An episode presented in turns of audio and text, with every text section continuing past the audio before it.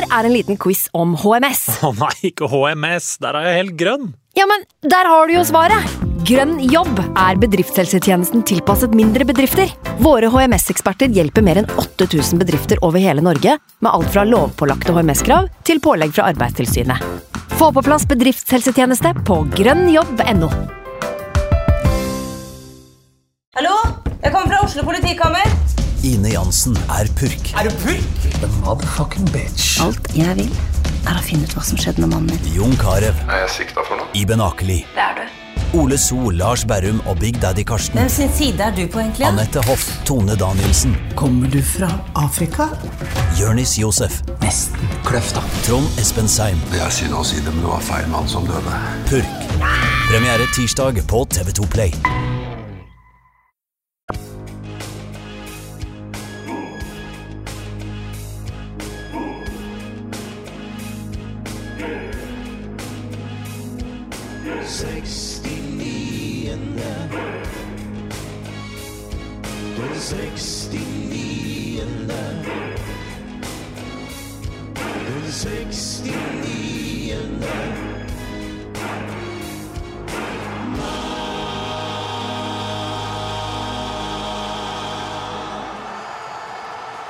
Runden uten uavgjortkamper og de aller største VAR-kontroversene er unnagjort. Viking er plutselig en gullkandidat etter deres 20. seier på rad, samtidig som at Glimt gikk på trynet hjemme mot Tromsø. Sandefjord med sin første borteseier for året etter comeback på lørdag, og dermed har de like mange seire på Intility som Vålerenga. Og nettopp comeback er den røde tråden i denne episoden her. Velkommen til en ny episode av Den 69. mann. Eh, Med oss i dag så har vi med oss eh, Morten Gallåsen fra ja, skal vi si Pyro Pivo, hva heter det? Jo, du må gjerne si det. Ja, jeg blander alltid Pivo, Pyro, Pyro, Pyro Pivo. Um, I indre kretser så går du under navnet To meter dritt. Ja, eh, velfortjent. eh, Både fordi jeg er to meter og vel så det, og fordi jeg er eh, en ganske ræva type. Ja, det er sjølinnsikt, det er, er fint, det. Det, det sies at du er grunnlegger av en særdeles merkelig, det merkelige fenomenet THK. Hva står det for? Du, eh, det fulle, den fulle forkortelsen er THK08. For når du har sånne alternative grupperinger, så er det viktig å ha med stiftelsesåret. Eh, Men det står da for tåpelige hodeplagg, Canaris.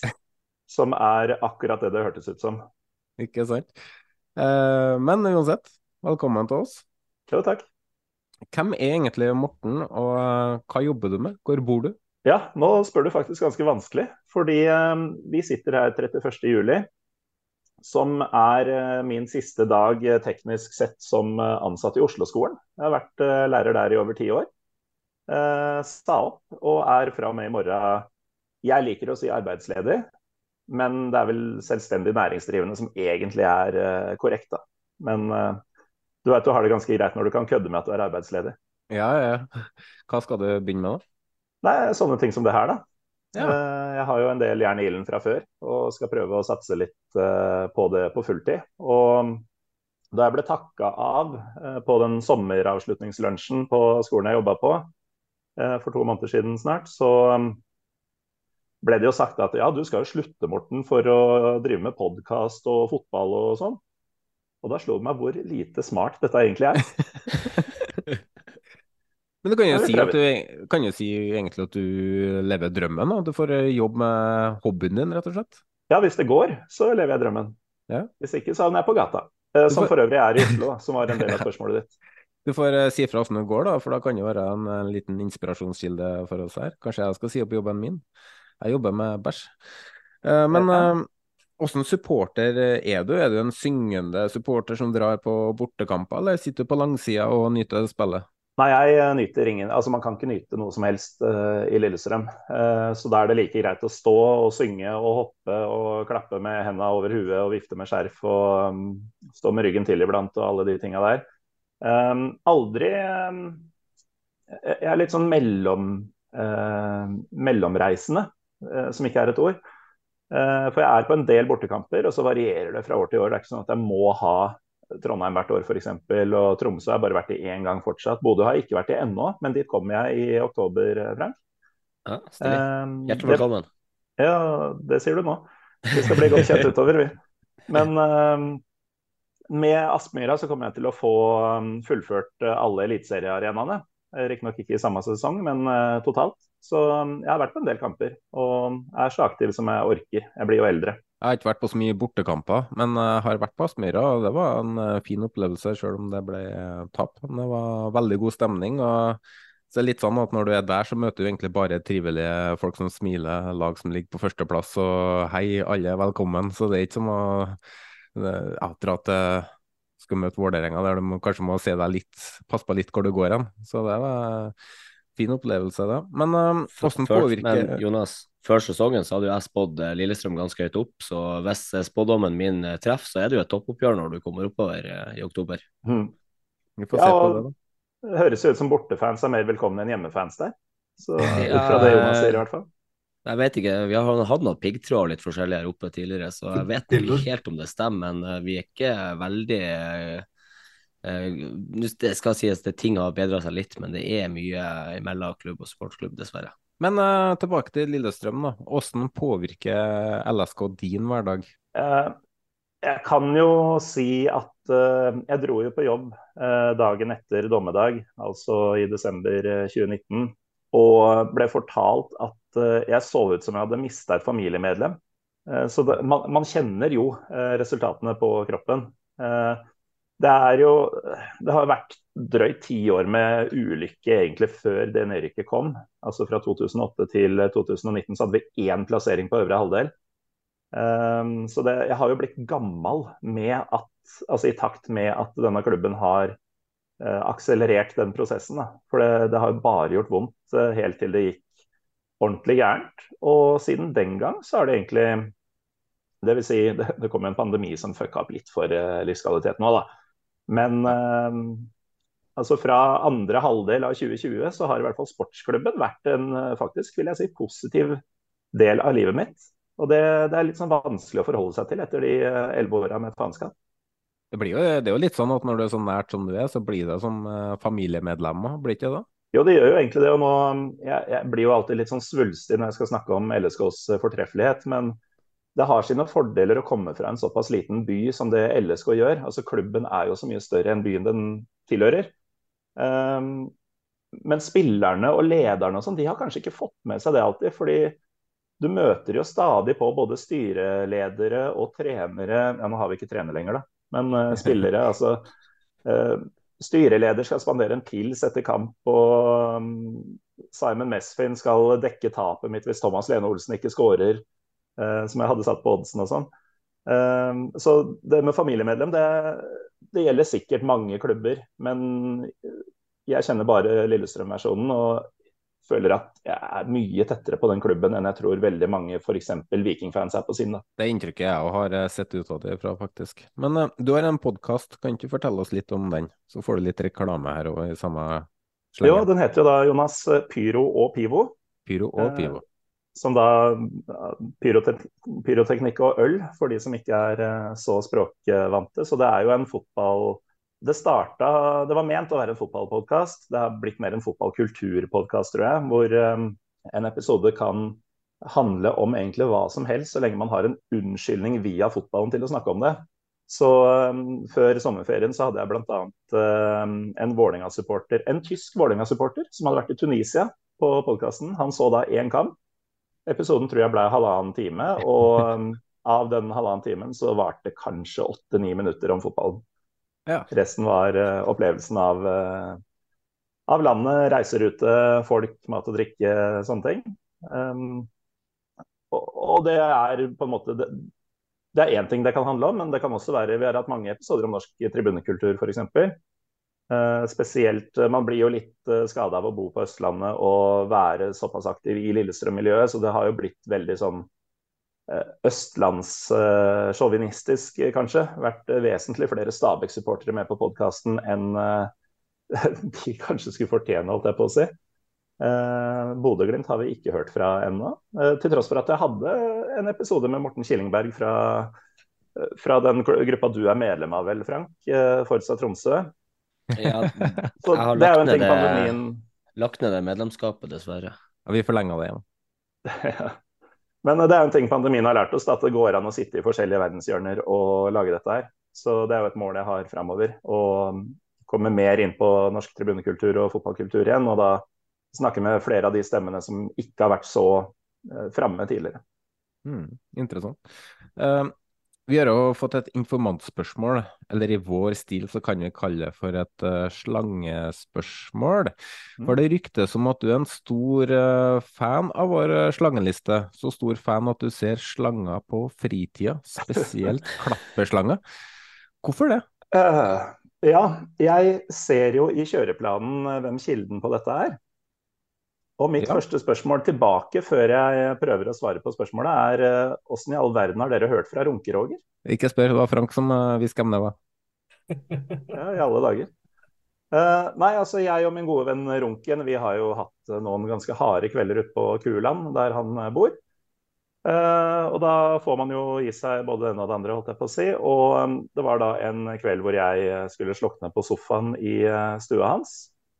Ehm, legger meg da i en treseter som selvfølgelig er altfor kort. Eh, det er egentlig ikke problemet. Jeg er eh, ganske knocka ut og kunne sikkert sovna på et gulv også, men jeg skvetter skikkelig til da jeg tror helt oppriktig at det er en slange i vinduskarmen 20 cm unna meg.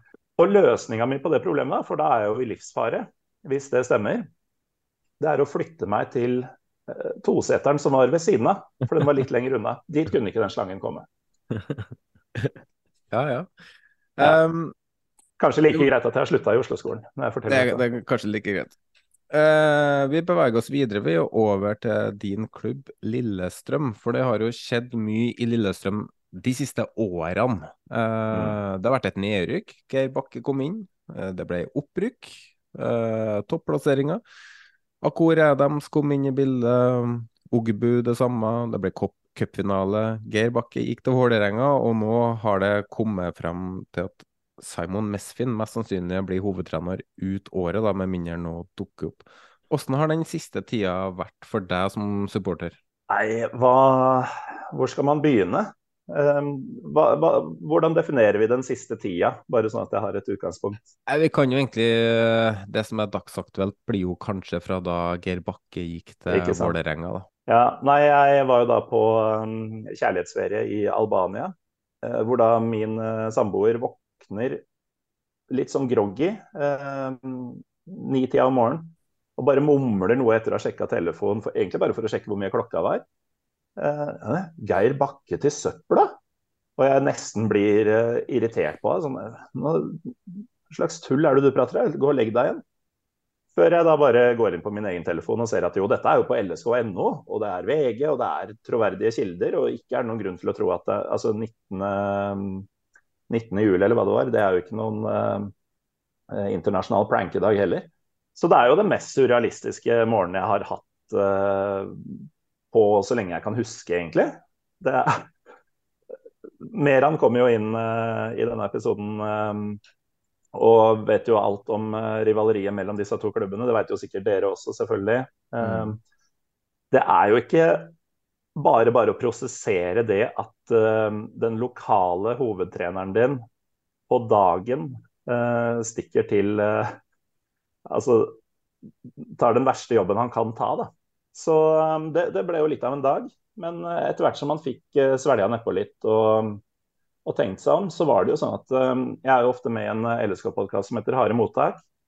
Hvor det var flere uker før dette skjedde, litt sånn der murring om at man kanskje hadde nådd taket da, i dette Bakke-Myhre-regimet.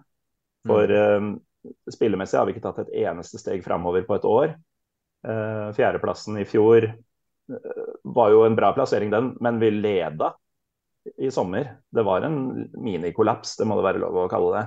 Altså var det jo etter Før den kollapsen så var det jo, jo egentlig et hva skal jeg si, dødballag. Dere hadde jo over mm. halvparten av lagene skåra på dødballer, og så var det solid defensiv struktur dere ble kjent for. Ja, og man snakka stadig om at uh, vi vinner kampene nå, men bare vent til vi får spilt ut potensialet vårt når vi mm. begynner å bli gode. Men så ble vi aldri gode, og motstanderne fant mottrekk uh, til dødballene våre, og skadene begynte å komme. Uh, Tom Petterson spesielt høsten i fjor. Akkurat dem, selvfølgelig. Um, og så går man inn i en vinter hvor det jo skjer ganske mye. Ogbu og Kairin forsvinner ut. Uh, to av de beste spillerne våre. Matthew endelig ut, ifølge meg. Mm. Uh, men det er altså Jeg er jo veldig flåsete når det gjelder han, som de som følger Lillestrøm uh, veit. Men det er jo ikke tre spillere du erstatter i en håndvending, da. Nei. Og um, da hjelper det lite egentlig at Thomas Lene Olsen har kommet inn og på en måte forpurrer den det lille vi har av grunnspill og struktur i det. Fordi vi måtte jo legge om formasjonen for å få han og Adams eh, sammen. Så det er jo um, Jeg går jo egentlig positivt inn i sesongen, fordi jeg tenker at eh, det verste er over um, den høsten der. Og så kommer vi ut av det med ganske gode spillere inn. Sånn jeg ser det, så har jo ingen av dem blitt som det skulle, da. Altså Tønnesen og Roseth kommer jo inn begge to for å dekke for den venstre stopperplassen og venstrebekken for å hindre at vi noensinne måtte bruke Vetle Dragsnes som stopper igjen, f.eks. Eh, det går jo tre kamper før begge de er ute for resten av livet. Eh, Andreas Vindheim kom inn for å dekke den blødende høyresida vår, hvor eh, vi egentlig hadde avskilta Lars Ranger, og Eskil Ed hadde ødelagt kneet og også var ute for resten av livet. Så kommer Andreas Vindheim inn der, og vi tenker yes, nå går det fint. Og han skader seg på første trening, eller om det var treninga før han kom. Det, det har vært en skeiv første halvdel av sesongen. Altså. Vi har liksom ikke fått til noe av det vi hadde tenkt. Og det kan godt være Nå snakka vi egentlig om Bakke og Myhre, men det ble en uh, veldig Nei, men uh, Den er avsporingen der. For jeg, jeg, kjenner meg litt igjen akkurat den sekvensen der du snakker om skader nå, uh, når Rosenborg hadde Åge Hareide. For da hadde vi jo en Når han skulle starte på sin første hele sesong fra start, så var, var det litt optimisme, og vi så ordentlig solid ut i preseason. Og, og så går det to seriekamper, og så blir Markus Henriksen skada, og så var han ganske viktig eh, for Rosenborg sin midtbane da, og så kommer han tilbake, og så skaller han og vekk, ja. og begge to ut med hjernerystelse. Så det, og så baller det bare på seg, og så, og så kommer han liksom aldri ut av den mm. vonde sirkelen. Og, der kanskje Lillestrøm er, da. Men, men hvis vi drar det tilbake til nå, da, for, for uh, hvis jeg ikke tar helt feil, så har det vel spilt fire kamper under Mesfin og tre seire. og en del skåra mål. da. Det virker mm. som det har løsna veldig offensivt etter, eh, etter at uh, Bakke og Myhre forsvant. Ja, for det var litt dit jeg skulle. At hele våren ble egentlig litt sånn her eh, Nå må vi bare holde det gående fram til spillerne kommer tilbake og greier. Og så fikk nok kanskje Bakke og Myhre mye vanskeligere arbeidsforhold pga. dette. Men samtidig så var det litt sånn at man snakka om at det er noe uforløst her. Og nå har de hatt uh, så og så mange år og um, så og så mange sjanser, og vi ser ikke den progresjonen. Så det var ingen som snakka om sparken eller noe sånt. Men at man, um, man så at det, et eller annet burde skje, da, uh, forholdsvis drastisk. Og så våkner man da til det sjokket om at han, han drar til Vålerenga. Og um, ganske fort egentlig så begynte man å tenke om kanskje er dette veien ut. Spesielt da det så ut som Helstrup faktisk kunne komme inn i stedet for den. da. Men eh, jo, eh, Simon Mesfin Er det noen som husker når han kom inn i norsk fotball? For det var noen eh, TV 2-saker på han da. Jeg mener, arrester meg hvis jeg tar feil, men jeg mener å huske at det første jeg så av han, var at han hva skal jeg kalle det, drev med integrering i, i LSK med Var det Antoni Uja, Igebor og guttene ja, der, eller? Mm. Ja, og, og, tok seg av de utenlandske spillerne og var hjem til det, mener jeg, på et opptak. Mm. Og hjalp dem med å lage mat og betale regninger og litt sånn forskjellig. Ja. Det, det, var i hvert fall mitt første minne med han. Og det er det som skjedde. Han hadde en veldig sånn uformell liten rolle som gikk ut på det, egentlig. Hjelpe til med å integrere spillere som kom langveisfra. Som det jo var ganske mange av i de dager. Og så har han eh, Vi har ikke hatt så mange av dem opp igjennom, men han har jo da klamra seg til en slags uh, altmuligmann-rolle i åra fram til han da plutselig ble sportssjef i 2017, som jo er et ganske bra steg. Mm. Uh, og har løst den jobben. Var ikke han assisterende sportssjef først? Jo, um, men uh, altså den klubben er mer enn uh, Veit jo sikkert også litt om det å ha på seg flere hatter enn man egentlig får betalt for. Mm. Men uh, Simon gjorde det meste, uh, men tok ikke overskriftene. Så plutselig så var han på toppen av den, uh, den delen av næringskjeden, den sportslige. Og at han da holdt på å si ansetter seg sjøl som trener nå, det, Han forklarte det jo med at han ville ta støyten, sånn at spillerne ikke måtte uttale seg noe særlig, og ikke de som faktisk tar treningene på feltet, da, som stort sett er Frode Kippe og André Sjelander, analysesjefen. Men Han uh, har jo da blitt hovedtrener, kampleder, hva man skal kalle det. Manager? Om du vil. Um, og det, resultatene sier jo det du hevder, da. At det er Det har løsna litt, spesielt offensivt. Det ser ut som spillerne har fått beskjed om å ikke tenke så mye. Ja, for det, det eneste, De har jo ett tap, og det er jo borte mot Haugesund. Der kan jo alle tape. Og ja. uh, man kan jo si at det var litt marginer imot i den kampen òg. Ja, den kampen spilte vi jo 1-1, eh, bare at det offisielt eh, står 1-0 pga. noe sånn her utrolig søplete nyvinning som TV 2 har prakka på oss. Men det, det, var en ganske god kamp. Altså, man spiller aldri gode kamper mot Haugesund, verken borte eller hjemme. Ingen gjør det. det. Det, blir søppelkamper uansett. Men av de laga så var det Vi fortjente i hvert fall uavgjort. Og dersom den kampen skulle bikke en vei, så var det ikke den veien det gjorde. Så, ja, det er som du sier, du har jo VAR i kampen, og du har jo årets eh, keeperprestasjon av Selvik eh, der i tillegg, og en utrolig bom fra Kor Edam som han setter ni av ti ganger. Mm. Men uh, jeg merker jo litt sånn delt supportermiljø nå. Noen ser jo virkelig mørkt på livet som uh, Lillestrøm-supporter nå, at det her, nei, fysj av meg. Og så er det noen som uh, gjør som deg og ser litt framover og tenker 2024, at uh, nå skal mm. ha på plass en en uh, solid erstatter som hovedtrener, da. Men hvis Nå skal Mesvin ta det her mest sannsynlig ut resten av året, men nå er det jo et veldig viktig overgangsvindu for Lillestrøm, fordi Akor Adams forsvinner. Han, han, er jo umulig å erstatte på kort tid, med mindre dere mm. finner en Kasper Tengstedt-variant. Um, er det egentlig en ideell løsning nå i, i um, august, eller har det ikke så mye å si med tanke på at Sjelander og uh, Skippe har treningene? Simon sjøl sier jo at uh, det ikke er et problem. Uh, jeg uh, tror ikke det er så enkelt.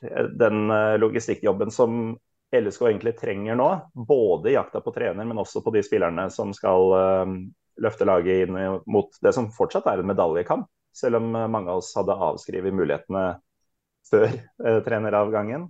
Så det Simon skal gjøre nå, er rett og slett å um, finne en del spillere til en rimelig penge som passer inn på alle måter. og Det er jo et sånt mantra han har. ikke sant? Det er ikke bare at du skal være en god spiller, du skal passe inn i kulturen og alt dette her. Uh, selv om noen av oss kanskje skulle ønske at det var en sånn fuckboy eller to på feltet, bare for å røske litt opp i, i ting. At det ikke blir så veldig satt. Men uh, det er mange posisjoner nå som vi trenger forsterkning uh, i. og vi skal da gjøre det Vi skal lokke spillere til oss uten at de veit hvem som skal lede dem i framtida. Det er ikke noe konkurransefortrinn å ikke kunne hilse på treneren. hvis det er andre klubber som, som også er ute etter deg. Så jeg er uh, egentlig litt skeptisk. Jeg hadde håpa på at vi hadde fått inn en uh, Det kunne godt vært en intern uh, løsning ut sesongen, for det kan bli medalje. Men om det blir åttendeplass i år, så får det være greit, på en måte, for dette er sesongen som aldri helt kom i gang. Um, plassen er jo i praksis redda når det gjelder poeng, så det, er på en måte ikke så mye å tape på å bare reindyrke noen roller her, da. Eh, jeg er redd for at Simon kanskje strekker seg litt for eh, hva heter man, Smører seg litt for bredt, eller noe sånt. Eh, men vi får se. Nå var det jo helt knusktørt når det gjaldt rykter og overganger inn for bare en uke eller to siden. Og plutselig så er det Sigurd Haugen og Sander Moen Foss og gudene veit hva annet som er i emning. Mm. Men vi trenger, vi trenger, sentrale midtbanespillere. Vi trenger åpenbart altså Sander Moen Foss må gjerne løses ut nå, fordi vi har jo stopperkrise uansett hvor mange det er. Jeg har sett at det er flere Lillestrøm-supportere som er veldig skeptiske til han. og det, det har jeg lyst til å kommentere litt, for uh, han passer veldig godt inn i profilen til Lillestrøm og hvordan en stopper skal, skal være. Uh, kompromissløs i, i boks, uh, god til å forsvare boks god én mot én defensivt. Han er en sånn typisk forsvarsspiller. da. Han er ikke den der eh, sexy forsvarsspilleren som er så god med ball i beina, som, eh, som mange klubber leter etter. Nei, Det så vi tydelig på Åråsen. ja, om det skal sies at det, det var fryktelig eh, oppvisning av han. så Jeg spøka litt med at han prøvde å få ned prisen. Men, men før skaden han fikk mot Glimt andre serierunde i fjor, så meldte jeg han som en potensiell Bodø-Glimt-stopper. Uh, så var han jo tilbake i år, gjorde comeback mot Rosenborg i uh, tredje serieomgang, tror jeg. da. Uh, så han har jo på en måte vært ute lenge, men han har vært i stigninger hele år, hvis du ser bort ifra Lillestrøm-kampen. Så jeg, tror dere har fått inn en, en, stopper som passer godt inn i Lillestrøm. Da. Og så har han fortsatt potensial til å utvikle seg mye mer. Men uh, hvis, på, hvis du skal leke litt sportsdirektør sjøl, og, og uh, ja, se på treneren nå Nå har jeg forstått det sånn at det ikke det er ikke så mange kandidater i, i Norge. Jeg har forstått det sånn at Kjetil Rekdal er ikke et alternativ, uh, ikke Fagermo. Men, men av de navnene du um, har i huet, hva kunne ha passa inn i Lillestrøm i dag? Nei, altså som sagt, jeg var veldig positiv til ideen om Helstrup. Og um, låste meg egentlig litt til det tankemessig. Så da det ikke ble noe av, så har jeg egentlig vært litt uh, rådvill. Så um, jeg velger å låne en midlertidig løsning som ble kokt opp av Harde mottak um, i forrige uke, tror jeg det var. Og dette er det mulig du kommer til å le av, Jonas. Men uh, Geir Frigård som uh, fungerende hovedtrener ut året. Ja, men uh, jeg liker Geir Frigård veldig godt. Uh, og så veit ikke jeg om han er hovedtrenermateriale, det vet du ikke før du har sett det. Men uh, altså jeg var veldig likt både han og Kjetil Rekdal som personer. Men uh, flink på feltet. Veldig stor respekt i Rosenborg-gruppa. Godt likt. Også av supporterne. Så, og han eh, er jo fotballfaglig òg, så mm. hvorfor ikke? Den er, den er fin, den. Ja, fortid i klubben og mm, kjenner mm. Nå er ikke det alltid en fordel, men han kjenner jo mange av eh, de som er der allerede. Espen Olsen bl.a. Ja. Um, så det, den ble tatt litt opp av hatten um, da vi spilte inn Harde mottak forrige uke. Og jeg, jeg, likte det bedre enn Simon Mesfin ut året. Og så får vi håpe at det er en helt annen cocktail av kandidater når vi kommer til mm. sesongslutt. Fordi lista mi over hvem jeg ikke vil ha, er vesentlig lengre enn dem jeg vil ha. Og så tror jeg Geir Frigård kunne vært fin å ha med seg videre òg, hvis det ble ansatt en ny trener. Uh, mm. tror jeg. Um, men det er ikke bare du som er med oss i dag, Morten. For vi har, vi har også tatt oss en 15 eh, minutters prat med Meran, som i dag sa opp sin stilling som markedssjef i Vålerenga.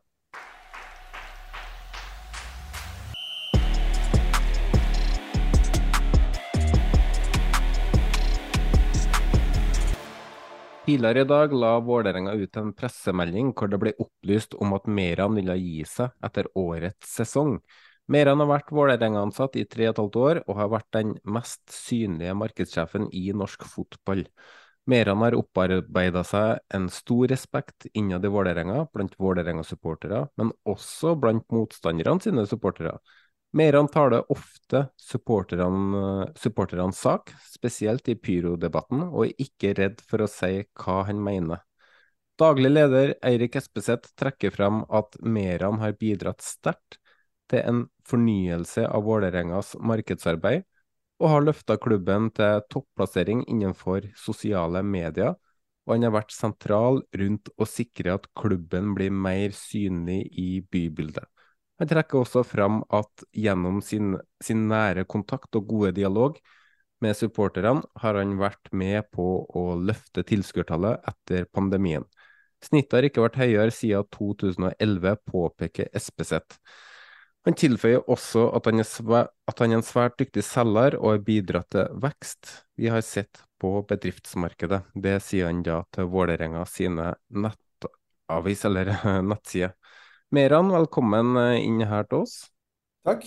Åssen eh, eh, har den dagen her vært? eh, kaotisk. Veldig, veldig følsom dag. Og så har jeg egentlig nå begynt å kjenne litt på at eh, hva som egentlig er i ferd med å skje. Så det har vært en, det har vært en tung dag.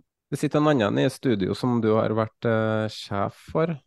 Arskan, åssen var, var Meran å ha som eh, sjef? Veldig, veldig fin. Uh, og så sitter vi her, da. To personer. Vær ærlig nå. veldig fin. Uh, veldig fin sjef. Uh, utfordrende. og krever at alle skal levere på nivå som det han gjør. Uh, og så sitter vi her nå, to personer som har prøvd seg i Vålerenga. Den ene har selvfølgelig da betraktelig mer å se tilbake på. Uh, det har bygget opp uh, de kommersielle inntektene til klubben, stein for stein. Hentet den ene hovedpartneren etter den andre. Og så kan du si at kronen på verket er generalsponsoren vi har nå. Du har økt synlighet i bybildet, slik at det er, mulig, det er umulig å bevege seg rundt i Oslo uten, uten å bli eksponert mot Enga.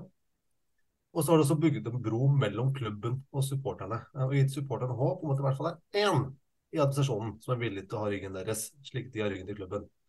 Og Da lurer vi på, da, eh, hvordan går det sånn egentlig med deg nå, nå som alt sakte, men sikkert summer seg ned, og du ser tilbake på de tre og et halvt årene? Jeg må jo bare starte å si at uh, jeg, dette her har jo ikke jeg stått for alene. Uh, vi har hatt et veldig, veldig bra team rundt meg. Uh, uh, vi har fornya oss og foryngra oss kraftig i Vålinga. Eh, tatt noen grep som jeg mener har vært riktig og viktig for klubben. Eh, har jo også ført til at vi har vært ganske mye uenige internt i klubben eh, på de valgene vi har tatt. Men jeg har stått i det og følt at det er det som er best for Vålinga sin del og Vålinga sin utvikling.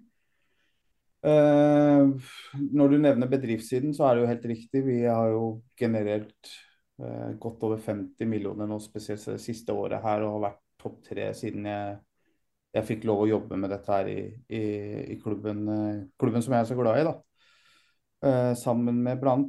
Uh, en som heter Glenn, og du har jo bidratt på ditt Arskan, og flere som har bidratt der. da. Um, og på privatmarked så er det jo ikke noe tvil om at tilskuertallene har vokst kraftig og gått til himmels. Uh, Beklager, jeg er litt sånn små, for jeg begynner å liksom kjenne litt mer og mer nå at det synker inn. For det er, det, det er veldig følsomt når jeg sitter og prater om å prøve å få litt tilbakeblikk på de tre og et halvt åra vi har vært gjennom. Men det, det, med, med, det, med, grupperingene våre, det med supporterlivet, det, det, vi gjorde noe sammen fra dag én, det, har vært unikt. For det, dette her kan jo helt sikkert Morten skrive under på forhold til hvor, hvor, viktig det er det med at supporterne og klubben snakker sammen, legger til rette for hverandre, legger til eh, rette for bortefans, legger til rette for åpen dialog. da. Og så er det jo sånn at vi Folk må jo skjønne også at jeg representerer klubben, og står, det er jo ikke alt vi kan være med på. Men at vi har vært så åpensinna og sett begge sider av saken. Da. Og, og jeg har jo alltid spilt med høyt og åpent spill om uh, hva som rører seg i og rundt klubben uh, når det gjelder kommersielt, når det gjelder til og med når jeg har fått vite litt om uh, sånn juicy greier fra Joakim, om det har vært spillesigneringer eller hva som er i ferd med å skje, det har vi tatt internt i de grupperingene og de, de lederne som har vært med der. og Det har aldri lekka ut noe som helst. Og det, og det, det, det skaper en tillit, da. Og, og, den har vi vokst på alle mann. og det jeg skrev jo avslutningsvis i takketalen min, for det, det, føles så ekte. For jeg har liksom Jeg har fått så mange gode venner på veien her, da. Eh, jeg har jo alltid hatt mange Vålerenga-venner fra før av, men nå, nå, er dette helt, helt, noe annet. Eh, både med tanke på ansatte, og de har jo vært heldige å jobbe med og, eh, jobba med og rundt Vålinga, og ikke minst ja, de som representerer både østblokka og generelt supporterne våre. Da.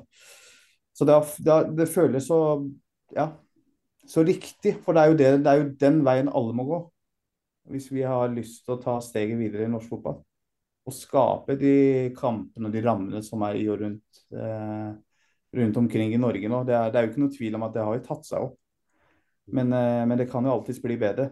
Og der, eh, der, følte jeg at vi knakk en kode sammen med, med våre supportere da, tidlig eh, rett etter pandemien. For vi, vi hadde en åpen dialog under pandemien også, men det, det lot seg jo ikke å gjøre å få folk inn på stadion. Du er jo inne på det med, med, den jobben som er gjort inn mot supporteren nå. Det var 3200 på Østblokka nå på, på, lørdag. Vi ligger på Vi lå på kvalik ved kampstart. Og det møter opp Ja, det er 110-årsdagen, men vi har hatt enormt med oppmøte på blokka. Ja, det er, I snitt nå i år så er det, om ikke tar helt feil, så ligger vi på 2867 eller noe sånt, tror jeg. Og det er én hjemmekamp i Eliteserien. Mm. Det, er, det er noe unikt som er i gang. Eh, og så har du ikke fått så veldig mye hjelp på banen, men man, man, man prøver jo så godt man kan. Men kan du fortelle litt om de siste par månedene inn mot, eh, inn mot uh, avgjørelsen?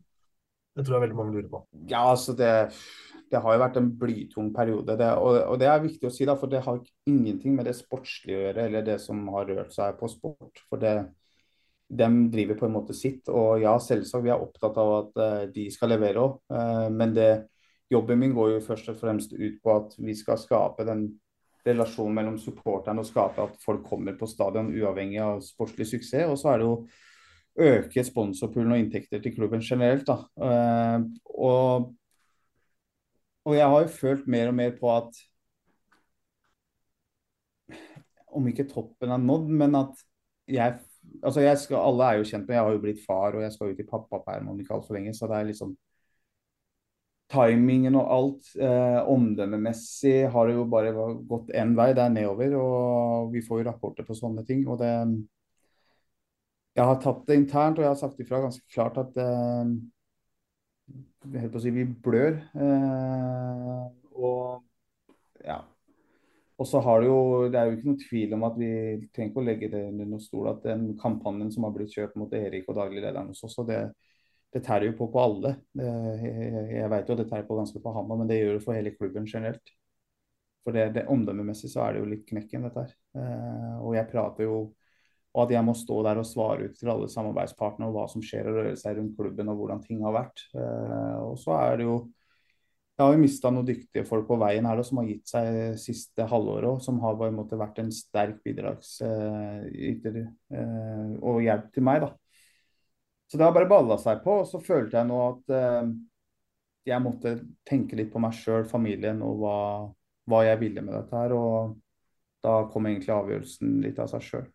Men du, føler du nå at du er ferdig med fotball, eller? eller Nei. Eh, Overhodet ikke. Hva ser du for deg? Dette er bare, dette er bare starten. Vi bare, det, vi bare varmer opp. når du ser deg sjøl i en fotballkamp, uh, nei, fotballkamp, i et fotballag, um, Ser du på deg sjøl som ja, innenfor marked, eller, eh, eller, noe større? Altså, jeg ser jo det har florert litt rykter om at uh, jeg har ønska å ta SPZ sin plass, eller at det har vært noe tema og sånn. Det, det, det, har det aldri, aldri vært. For, for, meg så er det sånn Jeg har sagt ganske klart ifra både internt og eksternt at jeg har jobba kommersielt nå i sju år. Uh, det jobben nå liksom hele tida tenke kroner og ører, det, det, det er ikke for alle og spesielt i de klubbene jeg har vært. Da, for det, det har jo ikke akkurat vært uh, grønne tall. Eh, og du døgnet rundt må tenke hele tiden bespar, altså besparing av ja, Øke inntektene, passe på kostnader og alt som er. Eh, men jeg føler det har kommet til et punkt at kommersielt, det kan jeg. Og jeg har alltid jobba med salg og service og ledelse. Og jeg føler nå at kanskje tiden er inne med å ta enda et steg, da. og jobbe rundt Hjelpe til kanskje enda litt mer Eh, for jeg har jo et ganske så bra nettverk utafor kommersielle også.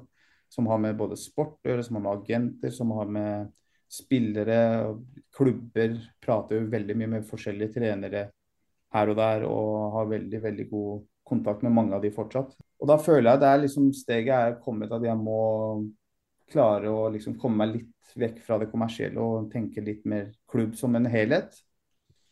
Og da tenker jeg også at jeg, jeg var jo den første med innvandrerbakgrunn når jeg ble ansatt i, i HamKam i sin tid. Eh, og det er jo nesten for så vidt enda, men da tenker jeg at jeg kan ta steget videre ja, som en slags daglig leder, eller være med rundt mer, enda mer høyt opp. Høyere opp. Og det, det, har aldri vært min intensjon eller noe drøm eller noe som helst at det skulle vært, det skulle bli Vålerenga. Uh, og Det er ikke noe jeg tenker på i det hele tatt heller. Det er, men det kan hende at det åpner seg noen muligheter for at det kommer opp noen andre klubber på veien her. Jeg beklager at det dirrer og blinger, men det, det koker på telefonen. her. Selv om jeg har skrudd den av, så kommer det noen lyder. Jeg vet ikke hva som skjer. Det er noen forskjellige enheter som er kobla på. Men ja. Hvis det åpner seg en mulighet til Vålerenga, kunne du vært interessert? Det, blir, nei, det ønsker jeg ikke å svare på, for den kan Nei. det med all respekt for han som er der og han som har ansatt meg, så tror jeg ikke jeg skal være med å lage noen spekulasjoner på det. Jeg tror bare at jeg hadde fått kjeft hvis jeg ikke hadde spurt, så jeg måtte bare spørre. Hva sa du? Jeg hadde fått kjeft hvis jeg ikke hadde spurt, Ja, så da måtte jeg bare ja. spørre. Nei, men jeg, det er veldig viktig for meg å si, for det, jeg veit jo det er noen som helt sikkert tenker at jeg nesten har vært altså, Jeg har jo hørt det også fra noen at eh, ja, men fan, du er jo sikkert med å bidra til dette her, og du er med på den kampen her og sånn. Og det, det er ikke tilfellet i det hele tatt. Som sagt, det har aldri vært min intensjon eller eh, verken drøm eller noe som helst å være en daglig leder i en klubb som Vålerenga. Det krever sitt å stå i det. Men uh, det, vi la jo ut en tweet tidligere i dag om at du var ferdig i Vålerenga, og da var det noen som tenkte oi, skal han til Lillestrøm? Hadde det altså, altså hvis, hvis en sånn klubb har kommet på banen med tanke på rivaliseringa, og ja, nå som du er ferdig i Vålerenga, hadde det vært eh, aktuelt? Med all eh, respekt for gjesten vi har her, og jeg prater veldig godt med både Tony og, og Robert, så vet jeg at det, det, er, det kommer aldri til å bli aktuelt, verken fra min side eller Lillesund sin side. Det har vært jævlig artig. Ja, Se for deg når, når Twitter-Norge da, hvis Meran signerer for uh, Lillestrøm 1.1. da. Jesus Christ. Vi snakker litt, eh, jeg, skal jo, jeg skal være ærlig og si at jeg er jo en god venn med Gaute Helstrup og Espen Olsen, som er i Lillestrøm. Og vi har jo vår egen Snap-gruppe som vi kødder litt. og vi har jo jobba sammen i HamKam tidligere, så vi kødda om at ja, men la oss eh, lage litt show nå, som Petter dro, eller som Geir dro til Vålinga, Skal vi liksom at jeg går andre veien, men det, det, det er bare med spøken. altså. Det kommer ikke til å skje. Litt sånn status nå framover ut året. Eh, hvordan, eh, hvordan ser det ut? Eh, hva er dine tanker? Eh, vi kan begynne med det kommersielle eh, først. Nei, altså eh, Jeg, alle som kjenner meg, jeg kommer til å gå enda mer motivert nå. Jeg avslutter med stil, for det er viktig at vi nå, nå, nå skal vi liksom få til dette sammen, og så skal vi komme oss ut fra der vi ligger sportslig. Eh, all fokus er jo på sport nå. For det er der det brenner på dass, rett og slett. Eh, alt annet utenom eh, går egentlig ganske greit, både med tanke på inntekter og publikum og alt. Eh, så men, men jeg har jo et ansvar, og jeg må jo overlappe dette og overlevere dette til eventuelt de som er her i dag, og nye folk som kommer inn. da. Så, men jeg kommer ikke til å ligge på latsida eller ta ut fem uker ferie nå før pappapermen eller gå på sjukmelding og sånn. Nå er det helt sikkert en enda mer motivert og en annen side av Meran som folk kommer til å se. Enda mer på enn noen gang. 2. desember så spiller Vålerenga siste seriekamp hjemme mot Tromsø. Hvis ikke det blir kvalik, da. Og det kan jo fort bli.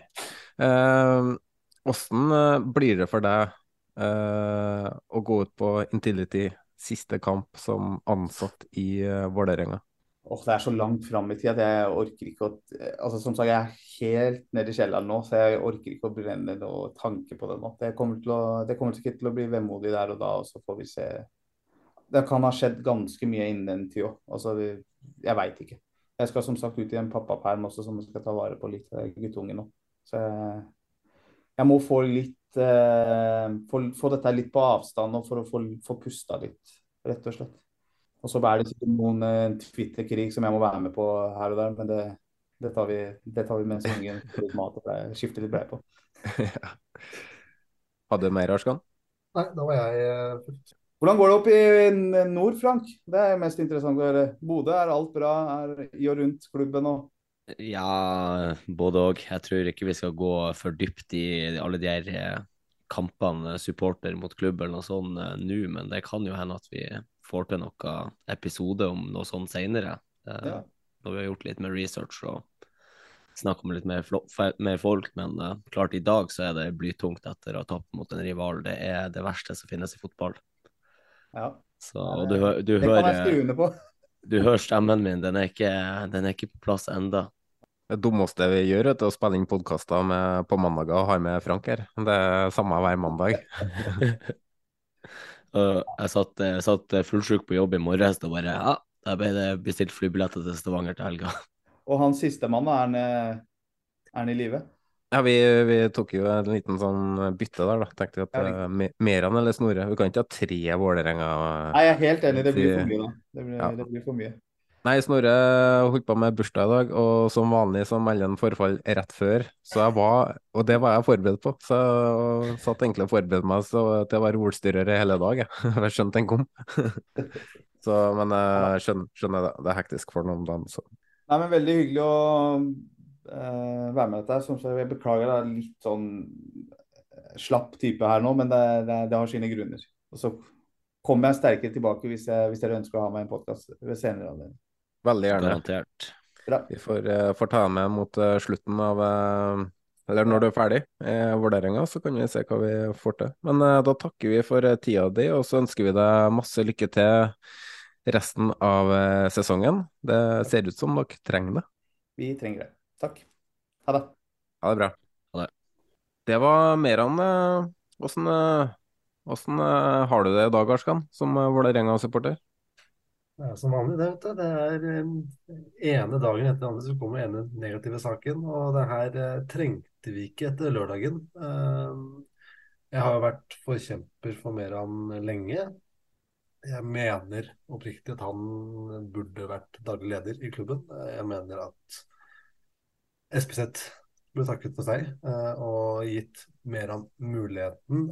Og så er det mange som sier ja, men han har ikke erfaring. Kan det gå verre enn det gjør nå? Altså, vi, blør penger eh, hvert eneste år. Vi har en daglig leder som blander seg inn i hva sport driver med, som man absolutt ikke skal gjøre. Så det er, hva er det verste som kan skje, da? Ikke sant? Eh, så det, det, har vært tungt, og jeg har kjent litt på det eh, sånn personlig. Jeg kjenner jo, kjenner jo fyren godt, og det, han var jo sjefen før, og, eh, og han er Nei, ikke én eneste markedssjef i, Norge som er bedre enn han eh, når det kommer inn på fotball. Så det, det, Han blir tøff å erstatte. Han har stått på alt da vi har av inntekt de siste tre årene.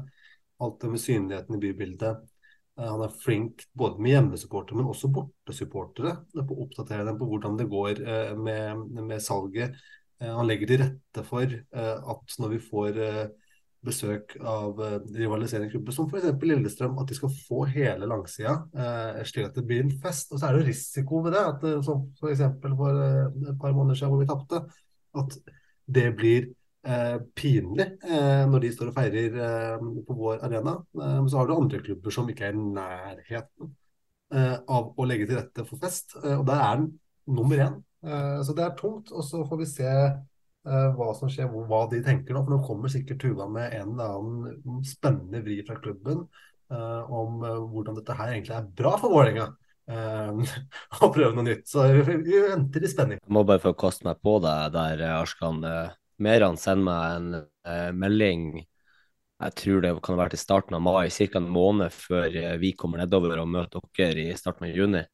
Uh, sender han meg en melding og sier hei, dere var nesten 1100 bortesportere i fjor. Uh, hvis jeg gir dere hele langsida, vi pusher på litt begge to, klarer vi å peise på som aldri før på bortefeltet der. og Det er, sånn, det er naturlig at Lillestrøm selger ut, og HamKam har vel hatt 16. mai-kamp der to år på rad, så de er jo òg bortimot solgt ut, og det er jo dritkult. og Så jeg sa det til han med Meran da at ja, vi tar hele kortsida hvis vi kan få det. og så gjør vi en innsats for å få folk på kamp. og Glimt kommer med over 2000 på Intility, og det er mye pga. Meran og den jobben han gjør, at det er så mye bortsupportere der. Det er helt vanvittig for en jobb han faktisk har gjort for å bygge ikke bare supporterkulturen til eh, gutta på østblokka og hjelpe til å støtte opp om dem der de kanskje har kjempa mot uh, andre i klubben, men han har hjulpet til å få det til å bli interessant. Altså, jeg tror Intility er reisemål, det reisemålet i Norge som er, har flest bortetilskuere i løpet av en sesong mye av det er hans eh, fortjeneste. Mm. Vi runder av praten der og går over, uh, går over, til oss for å se gjennom på runde 16 av Eliteserien, hvor comeback er den røde tråden. 69.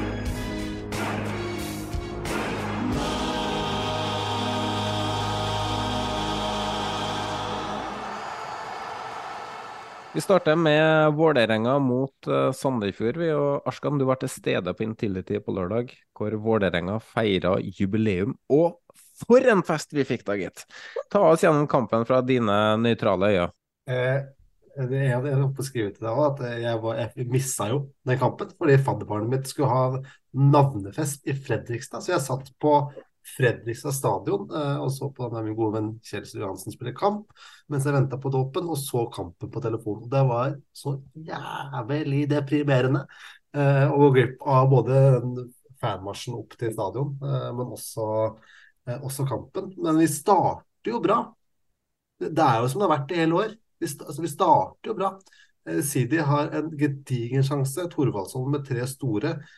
Ofker har glemt hvordan de header ball. Eh, så han står på blankt og helt utafor. Eh, og så, sakte, men sikkert, så skjer det som det skjer før, da, at vi dauer ut litt. Og så går det ut i pause til 0-0. Eh, og så tar vi ledelsen i andre omgang med Sidi, og da tenker jeg ålreit, nå. Nå skjer det. Nå, nå, nå, skal vi vinne for første gang på flere måneder.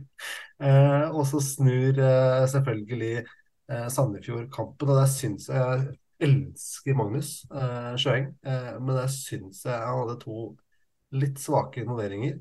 Eh, både på frisparket, men også på det skuddet. Jeg kan jo skyte inn litt der, som litt keeperalibi i eh, podkasten. Uh, jeg så det var mange som reagerte på det, og det med god grunn.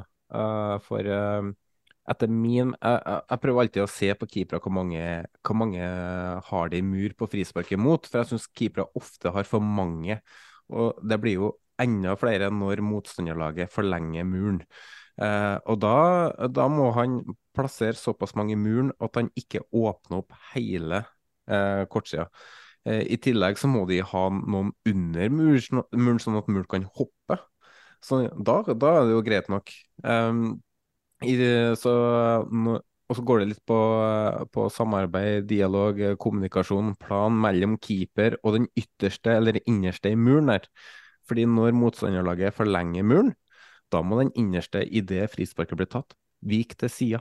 Sånn at keeperen da ser utgangen på ballen. For det er det jeg tror er feil der.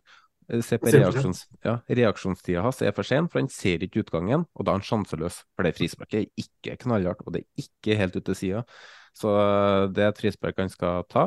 Og så har du andre målet, hvor han eh, Hvorfor han gjør det litt vanskelig å si for meg, men jeg tipper at han er overtent og altfor ivrig, som gjør at han kommer altfor langt ut fra streken. I tillegg til å være feilposisjonert. Da får du mye dårligere reaksjonstid, og du, da ser jo, det ser ut som han er sjanseløs når du ser skuddet gå forbi, men se hvor ballen havner i mål, mm. så er jo det keepermatt. Så Sjøeng ikke helt heldig der, og jeg har fått, uh, jeg har fått litt der på at uh, til neste kamp så er det Jakob Storvik som står i mål. Så um, får vi se om det stemmer, da. Det har jo pleid å stemme. Sjøen. Han har stått alle kamper siden Glimt-kampen uh, i cupen i fjor. Mm. Uh, kanskje han trenger en liten pause, vet ikke. Men de snur i hvert fall kampen, og så får vi jo Er det årets mål hittil? Jeg vet ikke, men brassesparket til Petter Strand er ganske sexy av en spiller som egentlig ikke har de kvalitetene.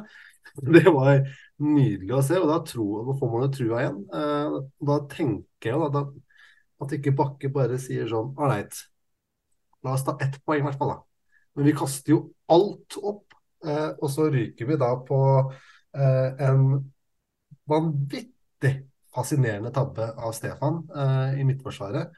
og med den det, det skal ikke være mulig med den erfaringen, og i tillegg til den, ikke, ikke snakke for mye om hvor mye betaler den i året, eh, å gjøre de feilene der. Spesielt når du eh, konstant er ute og slakter eh, både medspillere og motspillere, hva du blir lova og alt sammen. Men uh, vi, må, vi, er nødt til å se litt med Sandefjordøya, for uh, det her er jo faktisk uh, Sandefjords første borteseier i år. Deres tredje totalt. De lå helt nede der, og, og jeg snakka med Snorre på telefon før kampen, så sa jeg at det er ikke så veldig viktig for Vålerenga å vinne kampen. Det er fryktelig viktig å ikke tape den.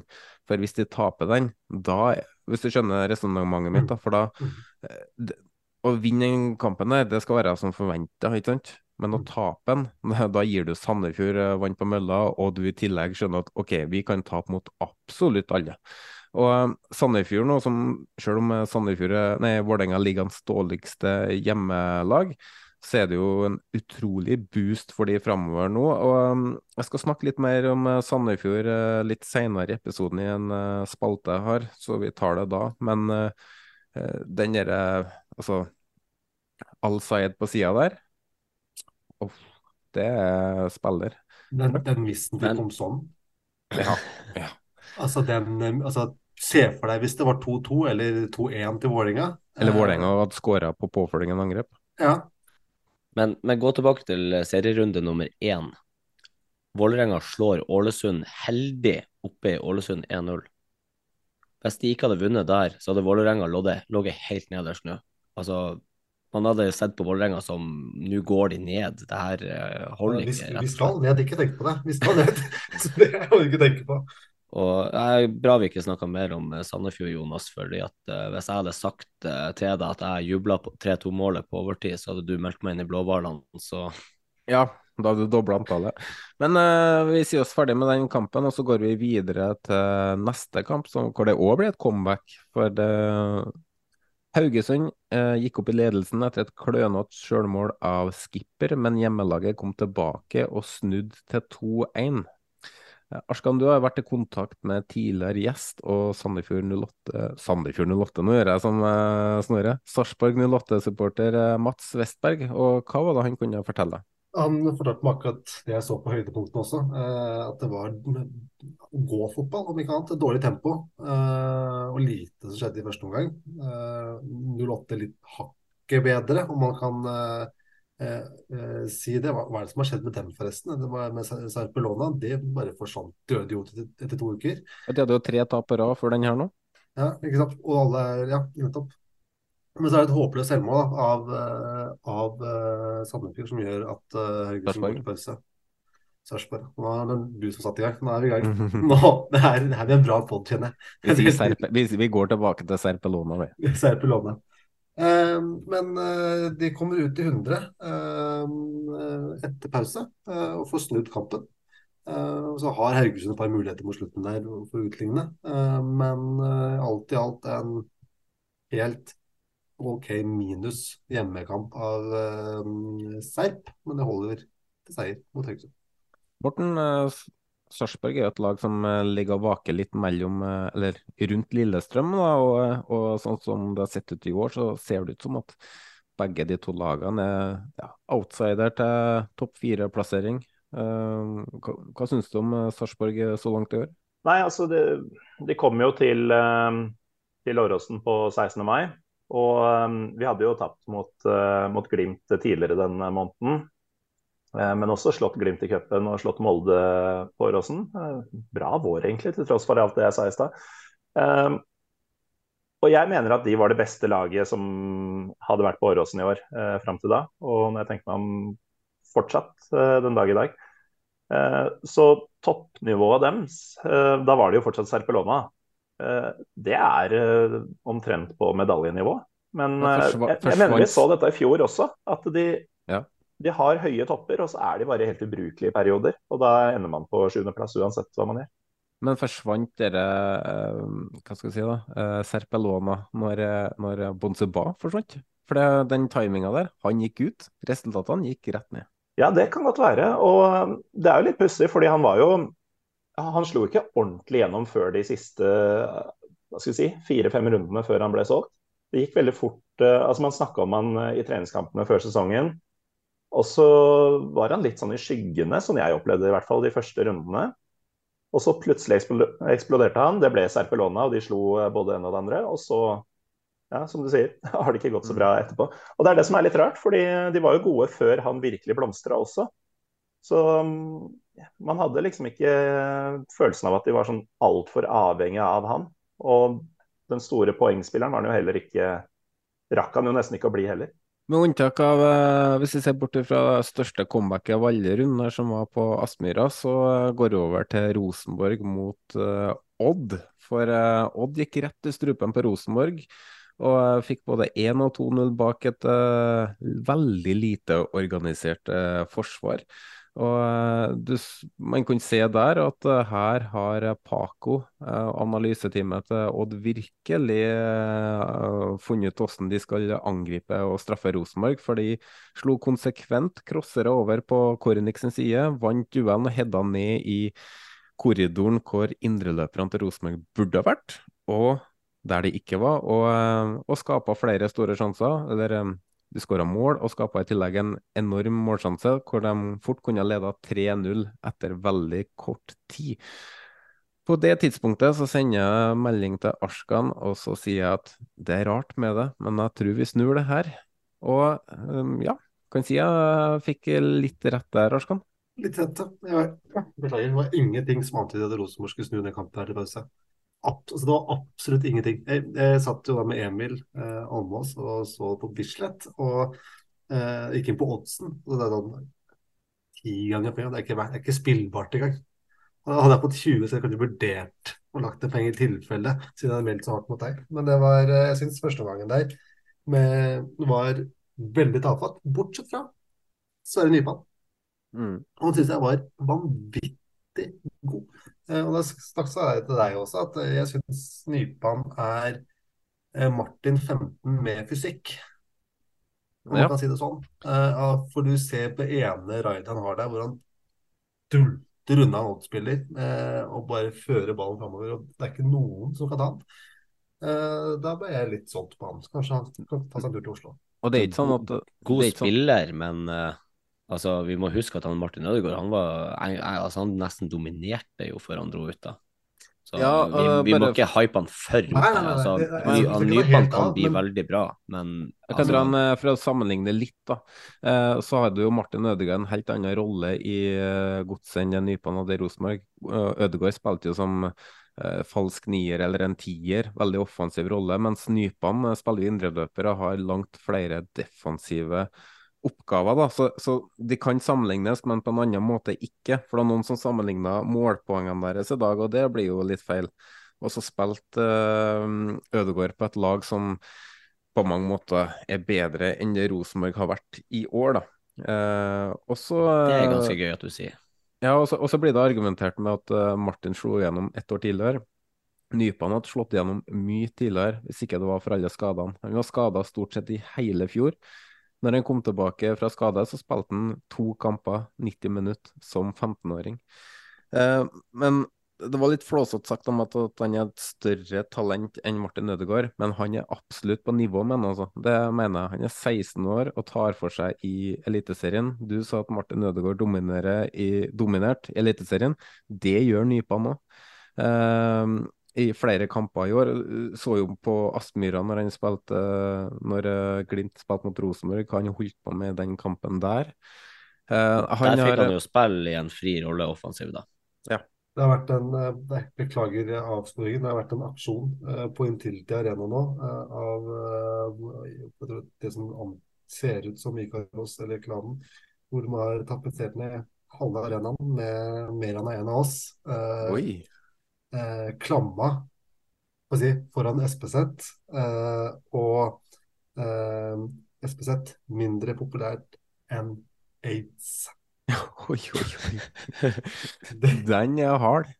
Den er hard. Det var det jeg hadde poppa opp og si her. Vi kan eh, stoppe der på nypene, men, eh, men eh, jeg synes han fortjener den omtalen der. og Det er ikke for å legge press på han, men hadde han hatt samme kontraktsituasjon som Martin Ødegaard hadde, så hadde klubber over hele verden vært etter han nå òg. Og det er ganske stor interesse for han. Eh, Men eh, vi går videre i kampen. Får, eh, jeg trodde at Rosenborg skulle snu kampen, og det gjorde de i andre omgang. Først med to mål av Ole Sæter, og så før, eh, før eh, Jensen blir skutt i ansiktet. Årets desidert styggeste skåring. Men at ikke Rosenborg skårer tre og fire ganger til, det er jo helt utrolig med tanke på målsjansene de har uh, bomma på. Uh, så er det utrolig artig som supporter av Rosenborg å se Eh, nok et steg i riktig retning. Eh, angrepsvill, artig og angrepsvillig fotball som har meldt Arskan gjennom hele kampen, siden han har eh, kødda litt om det. Eh, flere gjenkjennbare bevegelser. og Det er egentlig god gammeldags Rosenborg-fotball vi ser her nå. Så kan jo legge til at Ovusu fikk jo et korrekt rødt kort på 2-2 eh, der.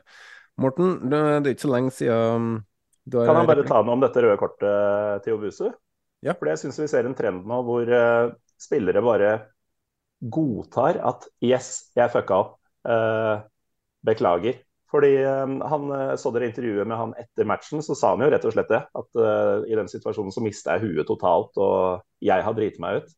Mm. Og vi hadde jo en, et rødt kort på Åråsen mot, mot Ålesund. ganske nylig hvor Diop sparker en av Lillesund-spillerne i trynet. Åpenbart ikke med vilje, men det er det som skjer. Og i stedet for å løpe mot dommerne og krangle og gjøre vartegn og alt mulig sånn, bare tusler av. Innser at dette her går ikke an. Jeg, ikke, jeg kan ikke være her. Så per, per Siljan Kjelbred gjorde det samme på Aspmyra i år òg. Fikk rødt kort mm. etter uh, seks sekunder på banen, og så hendene i været. Så um, ja. Det er deilig. Mm, ja, det er egentlig litt fint.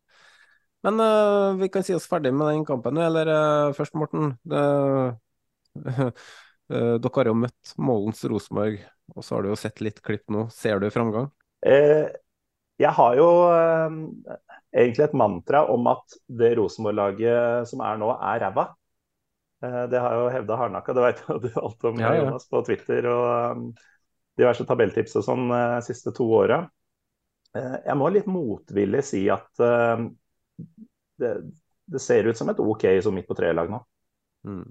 Jeg tror da at hvis de, det skal mye til. Hvis de unngår eh, skader, på, spesielt i sentrale, da tenker jeg på midtstopperne, eh, Ole Sæter, også kantspillerne. Eh, hvis Fredriksen slår til, som kommer inn på som høyrekant, og Holsnes mindreløper, unngår de skader da, så kan Rosenborg med ordentlig flyt melde seg på i hvert fall topp seks. Eh, hvis noen av laget Tromsø eller Viking slukner, Brekalo skal jo kanskje bort. Hvis det gir utslag, så kan det være muligheter der. Det er ikke lengre avstand enn det, da. Men da skal det jo bedre være heldig med eh, skadene òg. Men uh, vi ser jo progresjon fra kamp til kamp nå, og, og um, ja, det er mulig. Men så, for alt du vet, så kan jo Ole Sæter bli solgt i morgen, og da går det til helvete, kan jo si med en gang.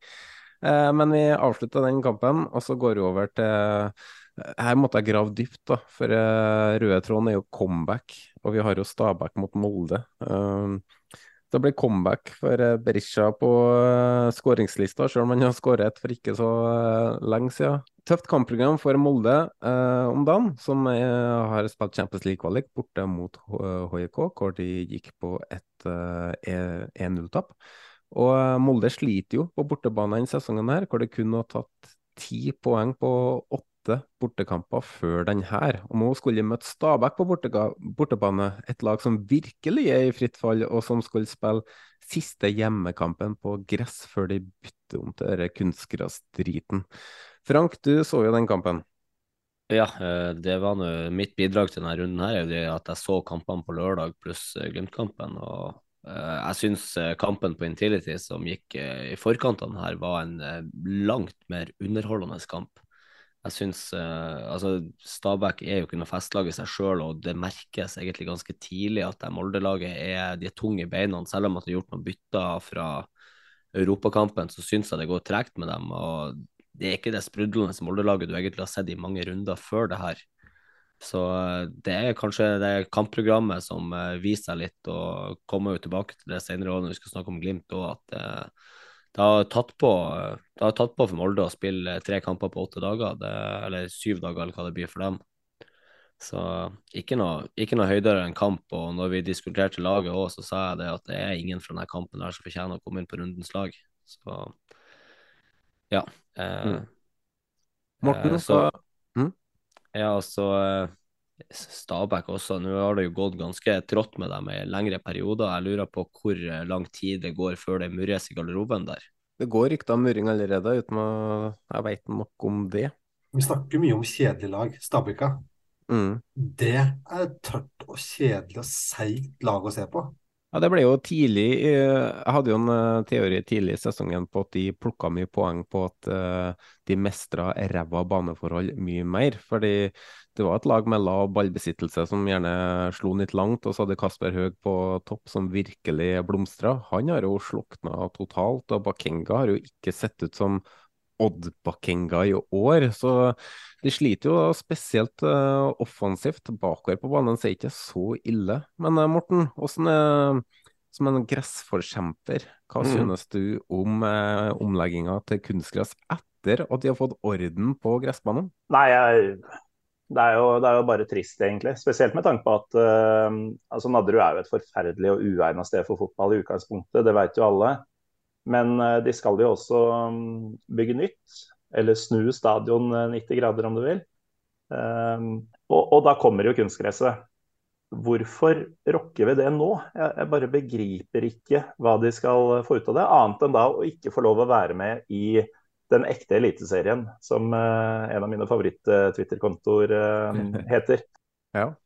Nei, det er, det er, trist for oss som er glad i gress. og Det er ikke mange ukene siden så var det Stabæk mot Brann. Jeg husker ikke en, eh, Så snakka jeg med Frank underveis i kampen at hva i svarte har de lagt om til kunstgress nå? For den gressbanen var så strøken. Men uh, nei da, de eh, fikk orden på gressbanen og nå over til kunstgress. da, så um, ikke en Finnes det noen som er for kunstgress? Altså som, som liker kunstgress bedre enn gress? Ja, skriv da på Twitter, så er det noen nordlendinger som uh, føler seg truffet. Det... Marius Helgå er sikkert pro uh, ja, mest sannsynlig. Altså, pro alt som er dritt. Ja, vi vil jo ha gress, men vi har jo utfordringer her. Men jeg hadde jo helst sett at det var gress på Aspmyra. Ingenting som slår når du kommer inn på en fotballstadion, så bare lukter det nyklipt gressmatte. Mm. Jo, hvis det hadde vært, vært pilsservering i tillegg. Det er ni, ni av ti eliteseriespillere uh, vil ha gress, og det sier jo sitt. Vi går videre vi, uh, til ditt lag, eh, Morten. Var det en mm. deilig seier? Det var det. Uh, det, det, det, er noe altså Vi snakka litt om at spillerne virker som de har fått en slags skal vi si, utløsning, siden vi er på 69. mann. etter at vi slutta å ha trener. Det er litt sånn vi, vi har det sånn vi supporterne også. Fordi som jeg var litt inne på, Man har på en måte gitt litt opp eh, sesongen. Selv om det kan bli medalje, så er det ingen som forventer det lenger. Så man er forberedt på at det er litt sånn tut og kjør, og man kan fokusere litt på å ha det gøy. da. Og det har vi virkelig nå for tida. For det er jo, det er jo vidåpent spill eh, på Åråsen for tida sammenlignet med hva vi hadde for bare en måned siden. Eh, full sprut fremover. framover og Nå snakker du vårt språk.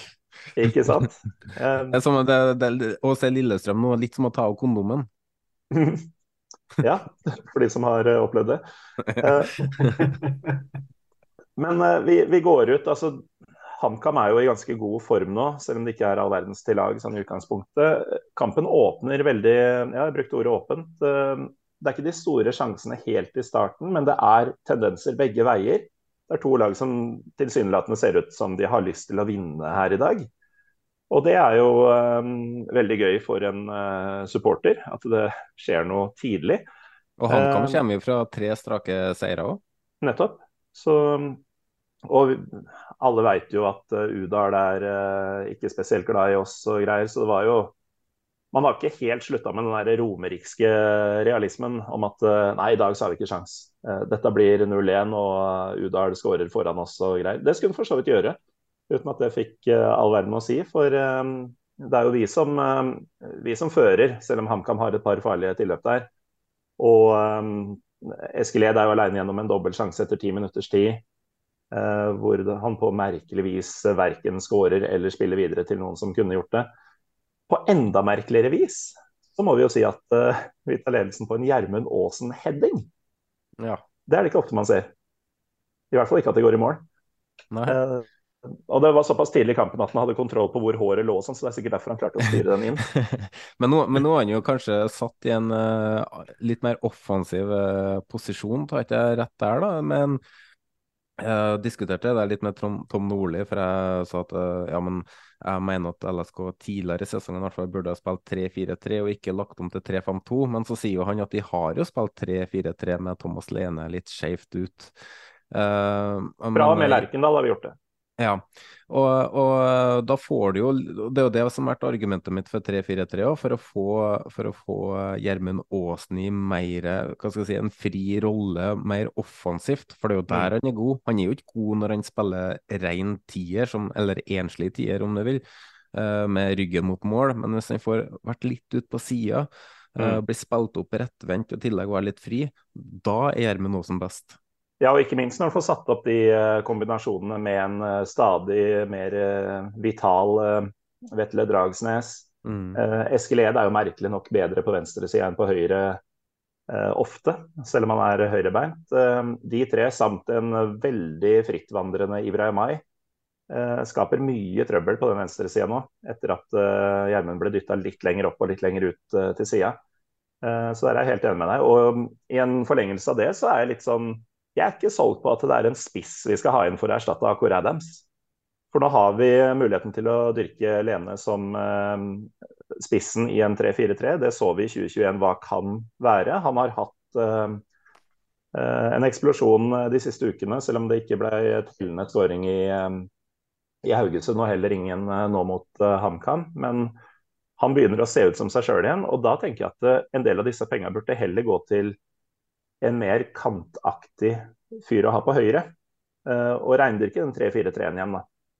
Um, spesielt nå som vi har sett at Ibrahim Ay faktisk av alle ting er best i en sentral duo. Jeg trodde det var det ene han ikke kunne spille på midtbane før, uh, før de siste ukene. Ja, det, det tenkte jeg òg. Jeg er også veldig imponert over han Ibrahim Ay i det siste. Jeg ser ut som en klassespiller i den rollen han har akkurat nå. Mm. Ja, han, vi kødda litt om det, for han gikk jo inn i den rollen etter at Magnus Knutsen ble solgt til eh, Danmark. Og Magnus var jo en ganske frustrerende spiller å være glad i. For det er veldig mye som ser pent ut. Han drar ballen med seg gjennom et ledd, og så går han enten litt for langt og går seg inn i et hjørne, eller så slurver han med avleveringa.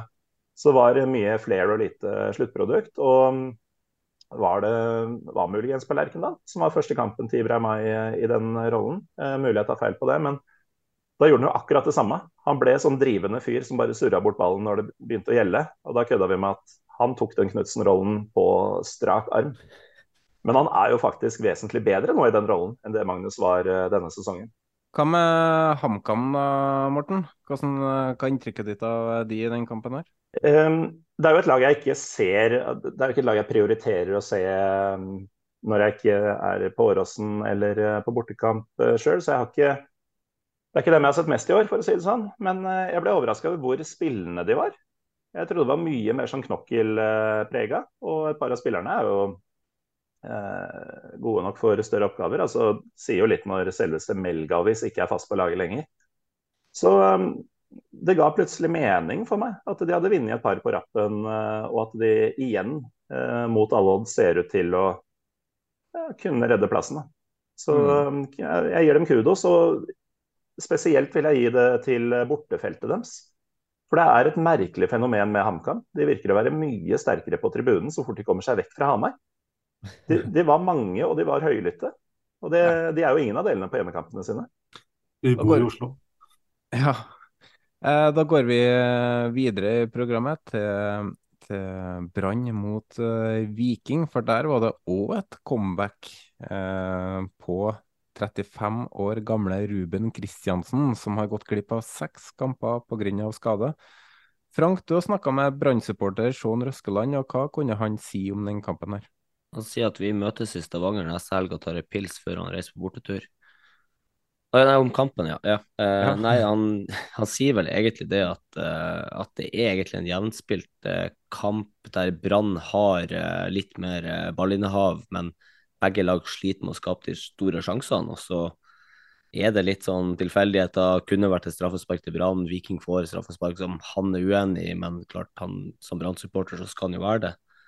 Uh, så han sier at det var, det var nærmere en 1-1-kamp enn en 2-0-kamp, men det var ikke ufortjent at de tapte, og det han landa på da. Ja, for jeg hadde jo tippa på Viking i den kampen her. Jeg hadde to mål av Ole Sæter, og jeg hadde Uh, nå husker jeg ikke den andre kampen, men, uh, men uh, så mangler jeg bare Viking-seier mot Brann. Så jeg switcha over på den kampen på slutten, og da får jo Sivert Heltene Nilsen servert en drømmeinnlegg. Skal bare breiside ballen i mål fra tre meter skrå vinkel, og bomme. Og så går Viking rett opp og får straffe med superinnbytter Sandberg. Uh, Uh, Morten, eh, Brann var jo ja, De har jo egentlig ikke vært seg sjøl etter at de slo dere i cupfinalen. Eh, de kom som et friskt pust og, og, og skulle Ja, så lå egentlig godt an til å kjempe om andreplassen, og så har de bare gått lenger og lenger nedover, og det ser jo ikke så veldig lovende ut om dagen med tanke på medalje, hvis man ser på formen til Viking og Molde. Hva tenker du om det du har sett av Brann i siste tida? Jeg tenker at medalje kan de egentlig bare glemme. Og noe av grunnen til det er nettopp det som ble sagt uh, og holdt mot dem før sesongen. Uh, jeg skal innrømme at jeg ble overraska over hvor uh, for real Brann virka å være de første månedene av sesongen. Men det var jo to ankepunkter mot, mot, at det skulle gå så bra som disse kokende idiotene hevder at det skulle. da. Og Det er jo bredden på troppen. Det har vi virkelig fått se at er det problemet som, som, man trodde. Men også det at når motgangen først kommer, så har jo ikke de takla motgang på to år nesten. Og um, det er ikke gitt at de har verktøykassa klar til å håndtere eh, motgang. Og um, jeg, jeg føler vi ser begge deler akkurat nå, da. Og det er en i regntunge Bergen så er det, en, det er mer enn en storm i et vannglass, for å si det sånn. Det er en tornado. Men Vikingene de ser jo ordentlig ut å, til å ha funnet vinnerformelen. Men altså, samtidig så var de jo i godt slag eh, før eh, fram til 16. mai i fjor òg. Kan Viking Altså, Nå har de Bodø-Glimt neste kamp. De har en kamp å gå på. Hvis de slår eh, Bodø-Glimt og, eh, og, og de vinner hengekampen, så er det jo helt oppi der. Kan Viking utfordre Glimt?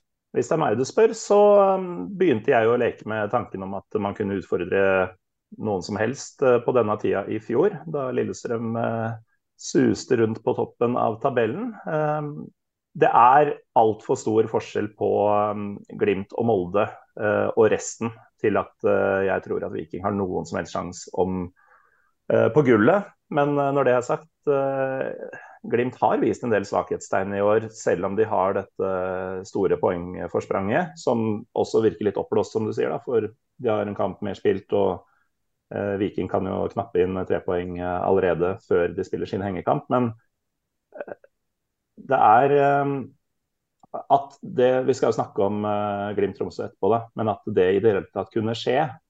Eh, og alle de gangene Glimt har kommet under med både ett og to mål, og så snudd til å vinne, da, som eh, jo er et styrketegn. Men det, de har sett mer menneskelige ut i større deler av sesongen enn jeg er vant til å se det. Men, Men for, å ta, eh, for, å ta, Glimt litt, da, vi skal snakke litt mer om uh, Bodø-Glimt etterpå. Men de har hatt eh, hjemmekamp mot eh, Rosenborg, Brann.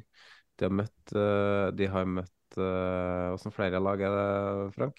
Molde har de hatt hjemme. Altså, så de har gjort unna flere av de antatt Og så sier jeg Rosenborg her, da, men det er fordi det alltid er jevnt mellom eh, Bodø-Glimt og Rosenborg. De skal til Lerkendal, de skal til Stavanger stadion, de skal på Brann stadion. Altså, de har flere tøffe borteoppgjør i januar nå. Så det kan jo være Det har vi jo absolutt. Men, uh, ja. kan, kan Viking melde seg inn i gullkampen hvis de fortsetter som her? Ja, altså, nå er jo oppgjøret neste helg er jo avgjørende for om du får ja eller nei på det spørsmålet der, egentlig. Uh, slår Viking Glimt, så er de tre poeng bak. Uh, vinner de hengekampen, så er de A-poeng, men sannsynligvis med en dårligere målforskjell i forhold til hvordan målforskjellen er akkurat nå. Hvis ikke skal Viking skåre jævlig mye, men uh, så er det Stensnes uh, ut resten av året, og så kommer de opp inn og så viser han seg som en ja, ordentlig solid spør. Så er det beholder de Brekalo. Det er prekært for om hvordan mm. sesongen deres ender. Det gjør, det gjør det jo ikke. Nei, men når han Brekalo forsvinner, så mister de uh, deres nest viktigste spiller, sånn som jeg ser det i år. Den viktigste er han Tripic. For han Tripic har vokst frem som en leder igjen. Han har vokst frem som den lederen han var før han Berisha ble solgt. Fordi at uh, han Tripic uh, falt fullstendig sammen i takt med at Viking var dritdårlig i fjor høst. Han Tripic er på, tilbake på sitt beste, og han leder den klubben der ekstremt stødig akkurat nå. Så har de jo Salvesen på topp som en bauta, og så har de Jasbek, eh, Diagostino inn der. Eh, så det, og så har de, så har de han og eh, Nå stokker navnet hans, han eh, kantspilleren fra Molde. Men uh, det er jo et lag som virkelig svinger av offensivt nå. Også, men det er som du sier, Brekalo ut, så kan ting falle litt mer sammen defensivt, i hvert fall. Vi går videre vi til neste kamp, og det er Ålesund mot Godset. Her fant jeg ikke så mye comeback, men jeg kan si at eh, Ålesund gjør comeback i å vinne fotballkamper igjen. Eh, men Godset går på sitt tredje 1-0-tap på rad. Ålesund slo Rosenborg 1-0, og siden har de gått tre tap på rad. Og Nå løsna det endelig, og når de da vinner en kamp, så blir det tangotrøyene. Arskan, du har snakka med Ålesund-supporter Bjørnar Holen, og han hadde en del å dele, eh, forstår jeg? Ja, øh, og si, det han sa, det man så på både høydepunkter og, og vel så det. Øh, de fortsatte i samme spor som de avslutta mot Viking.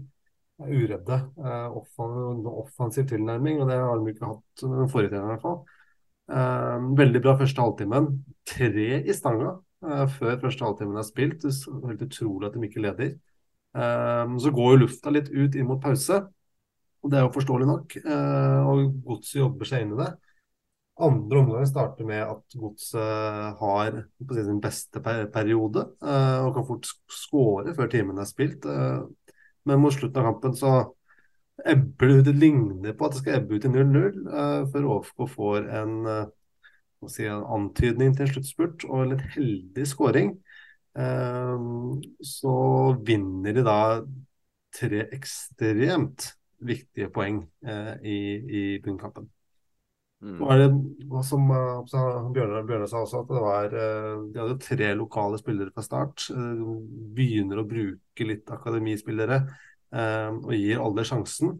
Og ikke er like, den er ikke like rigid som LAN, som skal ligge i den lave blokka og bare ødelegge. Jeg tror akkurat det der er viktig også, uansett om Ålesund går ned eller ikke. Det å begynne å bruke unge lokale spillere som uh, på en måte skal være fremtida og tilhørigheten til klubben, det er viktig, et viktig signal uh, han uh, nye treneren setter med det. da. Og så I motsetning til Vålerenga, så er jo Ålesund rigga til å rykke ned. Altså, de har mest sannsynlig budsjettert med at de kan rykke ned. og og Kristian Johnsen er jo sikkert innstilt på at det her kan bli nedrykk, så de, at de allerede nå starter prosessen med å, mm. med å utvikle lag og spillere. og tenker at OK, overlever vi, så er det veldig bra. Og det er jo det de prøver på, selvfølgelig. Men rykker de ned, så har de momentum, eller de har, de har et lag eh, i fremgang med unge lokale spillere på lengre kontrakter som kan bli der. da.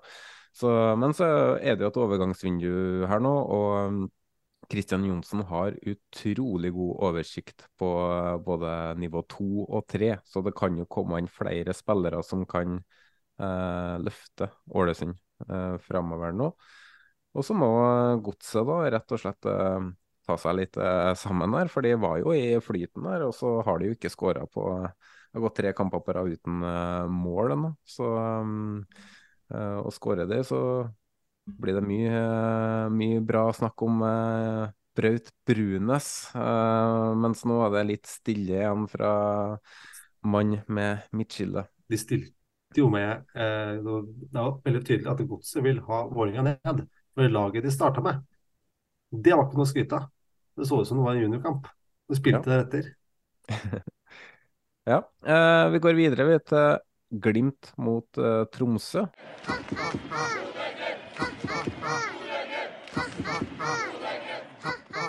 Uh, der var ikke så vanskelig å finne comeback, for uh, Lasse Nordås gjorde comeback uh, på Aspmyra etter overgangen til Tromsø for Bodø-Glimt. Frank, du var der edru og fin som vanlig. Um, jeg, jeg, må jo arrestere deg litt, da, for overgangen til Lasse Nordås skjer i morgen tidlig. Jeg veit da det, da. Men, men, ja, jeg var der og edru og fin, som alltid er på kamp. Uh, og får se et uh, lag som har der Aspmyra er rigga til fest, og verten møter ikke opp, rett og slett. Så enkelt er det. Tromsø egentlig har vist det i alle tre kampene mellom Glimt og Tromsø i år, at Tromsø de møter opp med en mentalitet, en krigervilje, som ikke eksisterer i Glimt-troppen, sånn som jeg ser det. Glimt har kommet tilbake og snudd det og vunnet mot Tromsø to ganger tidligere på at de har klart å spille seg eh, til sjanser og skåre mål mot Tromsø. Den kampen her så klarer de ikke det engang. Det blir tafatte skuddforsøk fra 20 meter og rett og slett eh, ikke godt nok. Egentlig så har Glimt god kontroll defensivt. Tromsø har to sjanser i løpet av kampen, og de skårer på begge. Eh, banespillet har Glimt, men Glimt har ikke mentaliteten til å vinne de her kampene her. Det Tromsø vinner fullt fortjent 2-0, dessverre. Det er det fra Tromsø sine øyne, da, du som er medlem i begge klubbene. Eh, hva er det Tromsø gjør som er så bra, eh, som de lykkes med i kampen der?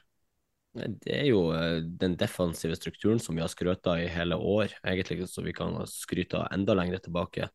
Og så er det det at uh, de har, som jeg sier, mentaliteten. De kjemper for hver duell. De jubler når de takler. De går i krigen og vil kjempe for det, det de kan få med seg fra Aspmyra.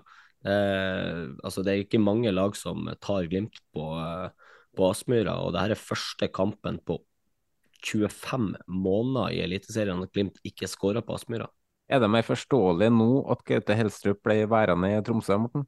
Jeg ser jo at han har noe på gang der. Det så vi også da de var på Åråsen eh, for noen uker siden. og Fikk for så vidt seiersmålet servert eh, rett i beina, men, eh, men, var et ordentlig bra lag. Og det har man jo sagt om Helserups Tromsø i et par år, at det, det er bra grunnpakke der, altså grunnspillet. Men at de har slitt litt med å Det har kanskje vært vanskelig å slå dem, men det har også vært vanskelig for dem å vinne kamper. Vært mye uavgjort. ikke vært det laget som bikker kamper til sin fordel. da. Nå står det med 10-3-3 etter drøyt halvspillsesong. Har akkurat slått uh, ja, De kalte det derbyseier etter å ha reist 53 mil. Jeg vet ikke om det er riktig terminologi. Hatoppgjør, i hvert fall.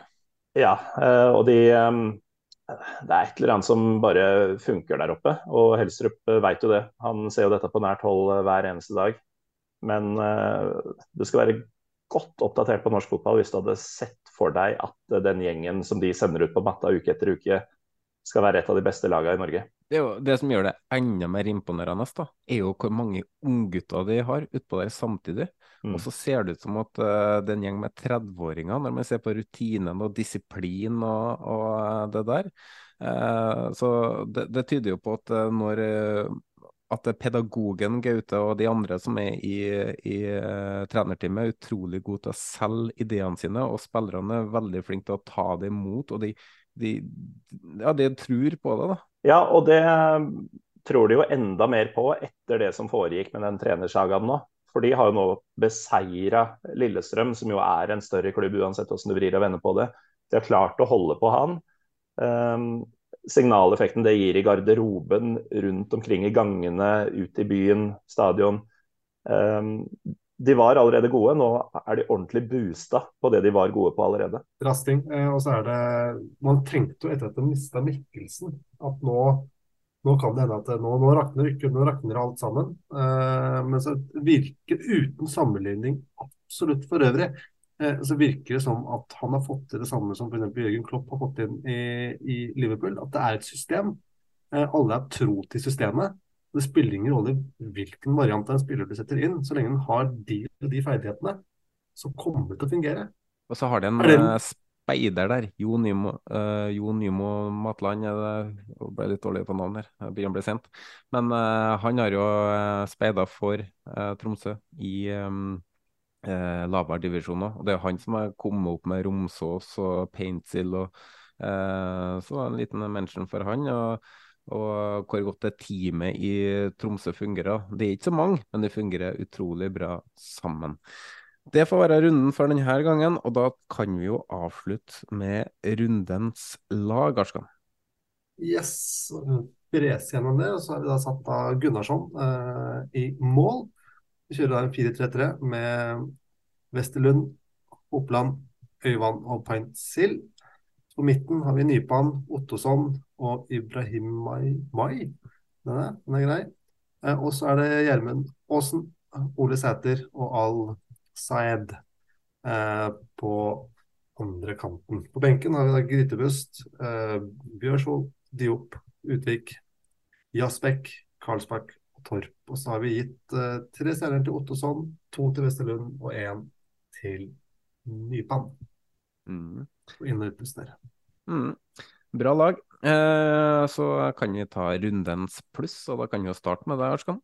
Rundens pluss har jeg gitt til TIFOR og TIFO-arbeidet som har blitt gjort rundt omkring på norsk arena. Det blir bedre og bedre for hver eneste runde som går. Og så har jeg gitt en liten tre stjerner til uh, den vi hadde på Valle. Uh, den syns jeg var ekstremt mektig.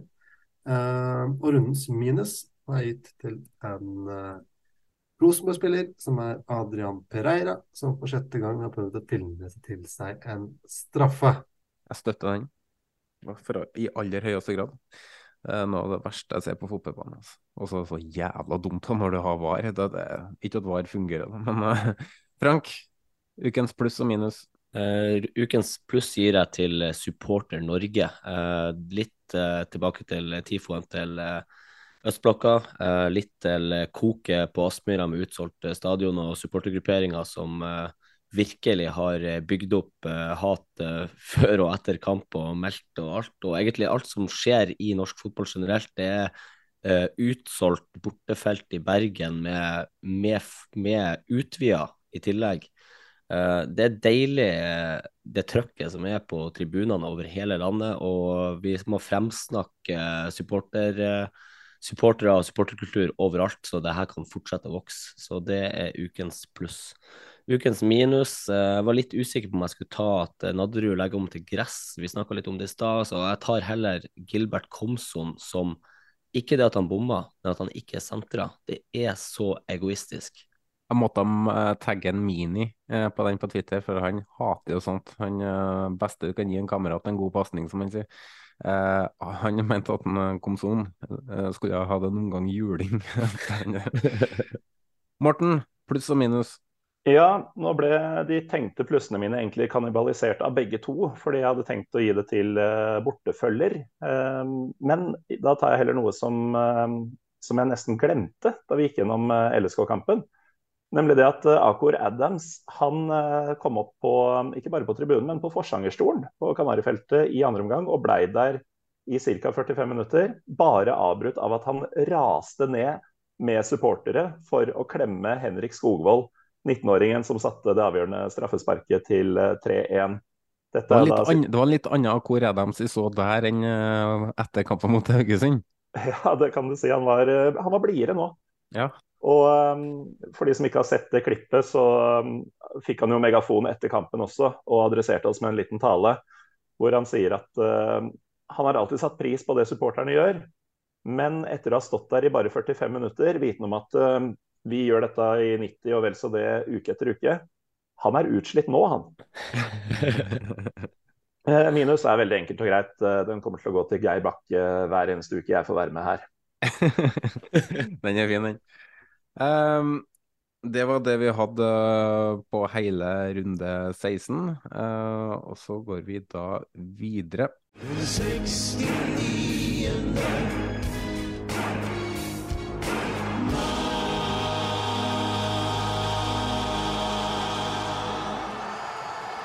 For eh, vi har jo noe som heter for VAR i norsk fotball. Eh, og jeg ble kontakta av Egil Heinert, eller vi, da, i podkasten. Eh, og han ønska da at vi skulle organisere oss for å fjerne VAR, noe vi selvfølgelig stiller oss bak. Eh, og mange, etter at han annonserte det, så har mange tatt kontakt og er gira på å bli med eh, Norsk supporterallianse, og Egil har vært i samtaler blant annet.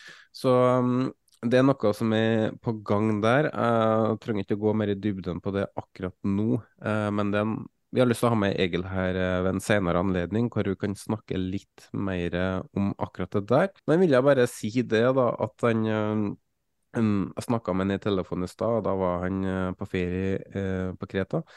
Han ønsker å fortelle om at han skal i hvert fall klage inn TV 2 til PFU for brudd på Vær varsom-plakaten. Um, for de har ikke åpna opp om de forretningsmessige sidene som de har kobla opp mot NTF og VAR. TV 2 er leverandør av uh, VAR, leverer tekniske løsninger. De av, fjerner de VAR, så er det et økonomisk tap for TV 2, uh, mener han. Um, og det er muligens da brudd på eh, kontrakt med TV 2. Eh, fotballkveld, når de intervjuet Terje Hauge, eller podkasten uh, uh, med Løkberg og eh, han jeg ikke husker navnet på nå, Vågebø det eh, hadde jo med Cato Haug. og um, ja, der ble det heller ikke nevnt noe om den kommersielle bindinga som er der. Det blir ikke opplyst i debatt debattene, og det skal de vel strengt talt uh, gjøre.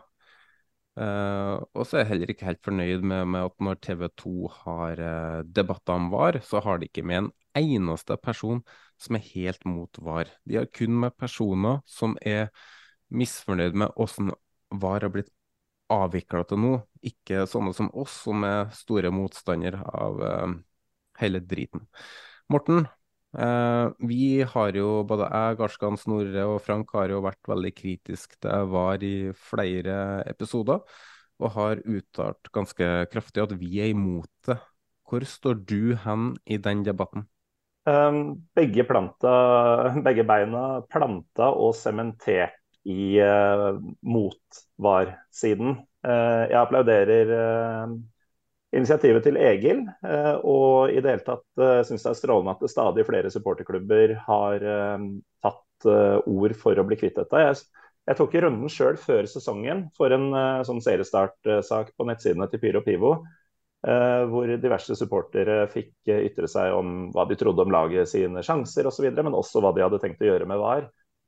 Og veldig mange var litt sånn på gjerdet. Nei, vi får se åssen dette blir.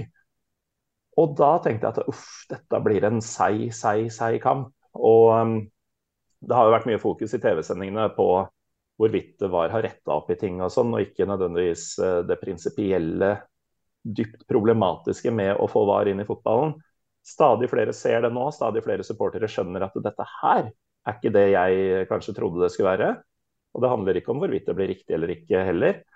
Så um, i tillegg da til at Egil uh, har satt i gang både det ene og det andre, som uh, man får høre mer om hvis man følger ham på Twitter, at Heinert er det vel, så veit jeg også at det jobbes i kulissene fra um, et samla Supporter-Norge om, um, om, en aksjonsform som det skal komme mer informasjon om på onsdag, hvis jeg husker riktig.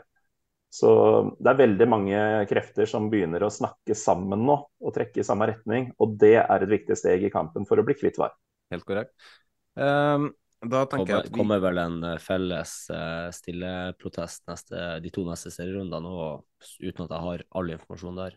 Mm. Nei, Det er vel informasjon om det som skal komme offisielt på, på tirsdag eller onsdag. Tror det var onsdag. Ja. Det får være det om VAR den uh episoden her. Vi kommer garantert tilbake. Uh, vi skal over i en spalte som vi har kjørt én gang, som uh, vi har kalt for Jonas tar en Vidar. Og da er spørsmålet om det er Vidar Riset eller Vidar Roset. Oh, men det er klart, jeg vil si én ting. Og det, det, er helt, helt utrolig. Nei, Jeg skal ikke si noe mer. Nå er jeg, kom, kom med det. så forbanna, så jeg ser rett ut. Og I dag så går jeg for ros, og jeg var tidligere inne på at jeg skulle innom Sandefjord eh, litt i den uh, sendinga her. Og, og, jeg er nødt til å hylle det litt for Sandefjord, for deres evne å treffe på spillere. Uh, jeg har observert flere som har vært kritiske til Sandefjord og måten klubben uh, Um, jobber på når de da signerer bare korte uh, kontrakter. Og En klubb som Sandefjord er ikke i posisjon til å signere kontrakter som er lengre enn to år, som regel. Som regel har de ikke råd, uh, for hvis spilleren mislykkes, så må de drive og betale på den spilleren over lengre tid. Uh, plutselig må de lønne en spiller som ikke er god nok i fire år, f.eks. Uh, og da gå på et kjempetap. Så da ender det ofte med toårskontrakter, bare så for å ha nevnt det. Um, så eh, de er jo da avhengig av en ting, da, og det er at spillere slår gjennom ganske tidlig. Eh, allerede fra starten av. Eh, sånn at man allerede da eventuelt kan ja, begynne å diskutere forlengelse, eller om de da skal begynne å selge spilleren allerede ett år. Og De har ikke akkurat truffet så mye på spillersalg til nå. Eh, og nettopp det kommer til å skje med bl.a. Al-Saed nå kanskje også med Ottosson. Så en annen case med Sander Moen Foss, for man kan jo si at man burde ha tilbudt han lengre kontrakt, sånn at de har fått mer penger for han ved et salg, men han var faktisk øh, alvorlig kneskada i fjor. Og da skal de da tilby forlengelse med en spiller som er langtidsskadd. Det er òg høy risiko for en klubb som Sandefjord med den økonomien de har.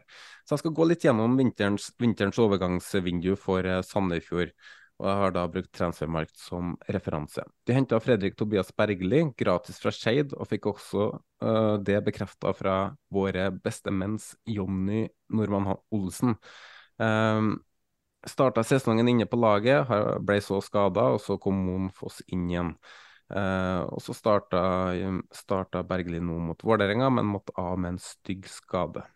Uh, ikke noe sinnssyk scouting her, for han er tross alt en lokal spiller med fort i halsen. Men så henter de Filip Ottosson fra Landskrona gratis. Han som fikk tre stjerner rundt runden her. Han øh, kommer da fra Superettan. Solid sekser, stødig defensiv, god med ball. Uh, satt faktisk i samme podkaststudio som en når jeg gjesta SF-podden for litt siden. Han kan være en spiller de faktisk kan selge videre for noen millioner, og han har to og et halvt år igjen av kontrakten. Som han Alexander Nilsson, som eh, var på lån i Sandefjord i fjor, fra Malmö. Var kanskje Sandefjords beste spiller, ble signert permanent. Så ble han langtidsskada etter en stygg skade, um, og så rakna Sandefjord fullstendig. Skåra et praktmål mot Glimt nå forrige runde, og har ikke kommet på samme nivå som, eh, som før skaden, men han er på uh, Prestasjonen er stigende, da. Kun 20 år, kontrakt ut 2024. Også der har du muligheten til å tjene penger på en spiller. Uh, men den diamanten som, i hvert fall i Sandefjord sine øyne, som jeg har lyst til å ta opp, er Danilo Al-Sayed. 24 år, henta fra Sandvikens IF på nivå 3 i Sverige. Eh, veldig usikker på overgangssum der, men den er garantert lav. Og han har kontrakt ut 25, så han fikk en treårskontrakt. Og hvorfor henter de spillere på nettopp det nivået i Sverige? Jeg tror de rett og slett er smart, for de har skjønt at i norsk andredivisjon så er det veldig mange om beinet. Så da har de etablert seg litt mer scouting i Sverige, har kanskje noen kontakter der som gjør at de ender opp med Ottosson og Al-Sayed for omtrent ingenting. Eh, og hvor mange lag er det i Norge som henter spillere fra det nivået? Nesten ingen. Og hvis vi går på Al-Sayed, da.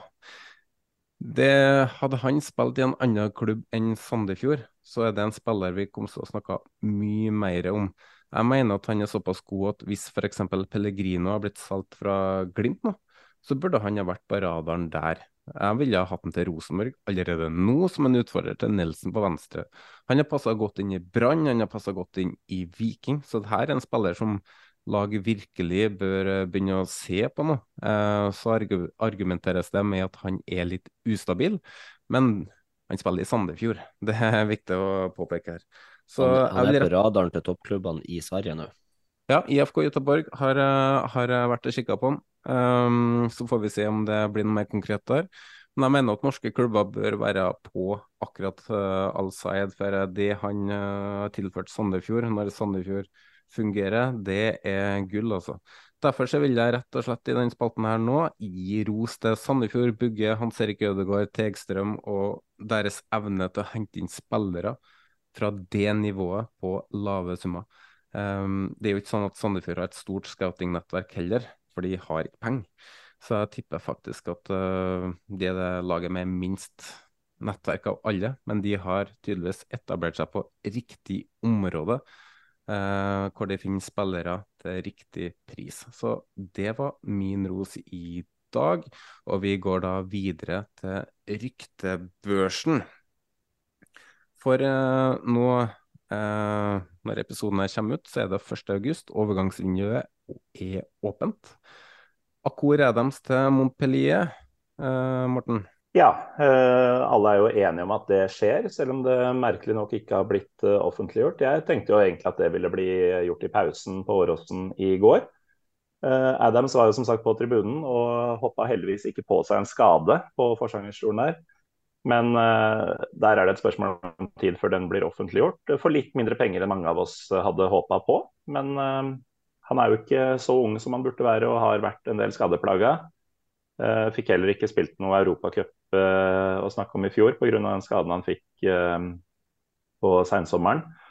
Så 50-ish millioner der, med forhåpentligvis en god videresalgsklausul. En spiller som jeg er glad han går til fransk fotball. Fordi eh, det er et stort steg å ta sportslig, men han har den pakka som mange har lykkes med i league tidligere. Så det kan bli en suksess. 50 millioner, er du fornøyd med? Ja, det spørs hvor stor videresalgsprosenten er. Jeg har snakka om 6 millioner euro eh, som en sum som jeg egentlig bare har kokt opp sjøl. Eh, det blir jo ikke det. Men vi har aldri solgt noen for mer enn 30 millioner før, så får vi ta det. Så har vi Søren Reze, som eh, går fra Haugesund til Horsens. Perfekt timing før Rosenborg skal dit og spille i helga. Elias Hagen eh, til Vålerenga gikk jo til IFK Gøteborg før den sesongen her. Var det for rundt 8-9 millioner frank, og går nå tilbake til norsk fotball og Vålerenga for omtrent syv. Ja, Så- det stem, stemmer at det var mellom 8 og 10 millioner. Ja, jeg husker ikke nøyaktig sum. Så det betyr null, mest sannsynlig, i videresalg på eh, Glimt. Så det, det Vi tar det vi får, vi også. Eh, og gode nyheter. Eh, Arskan, Jatta, en spiller du har blitt veldig glad i, linka Ja. bort nå.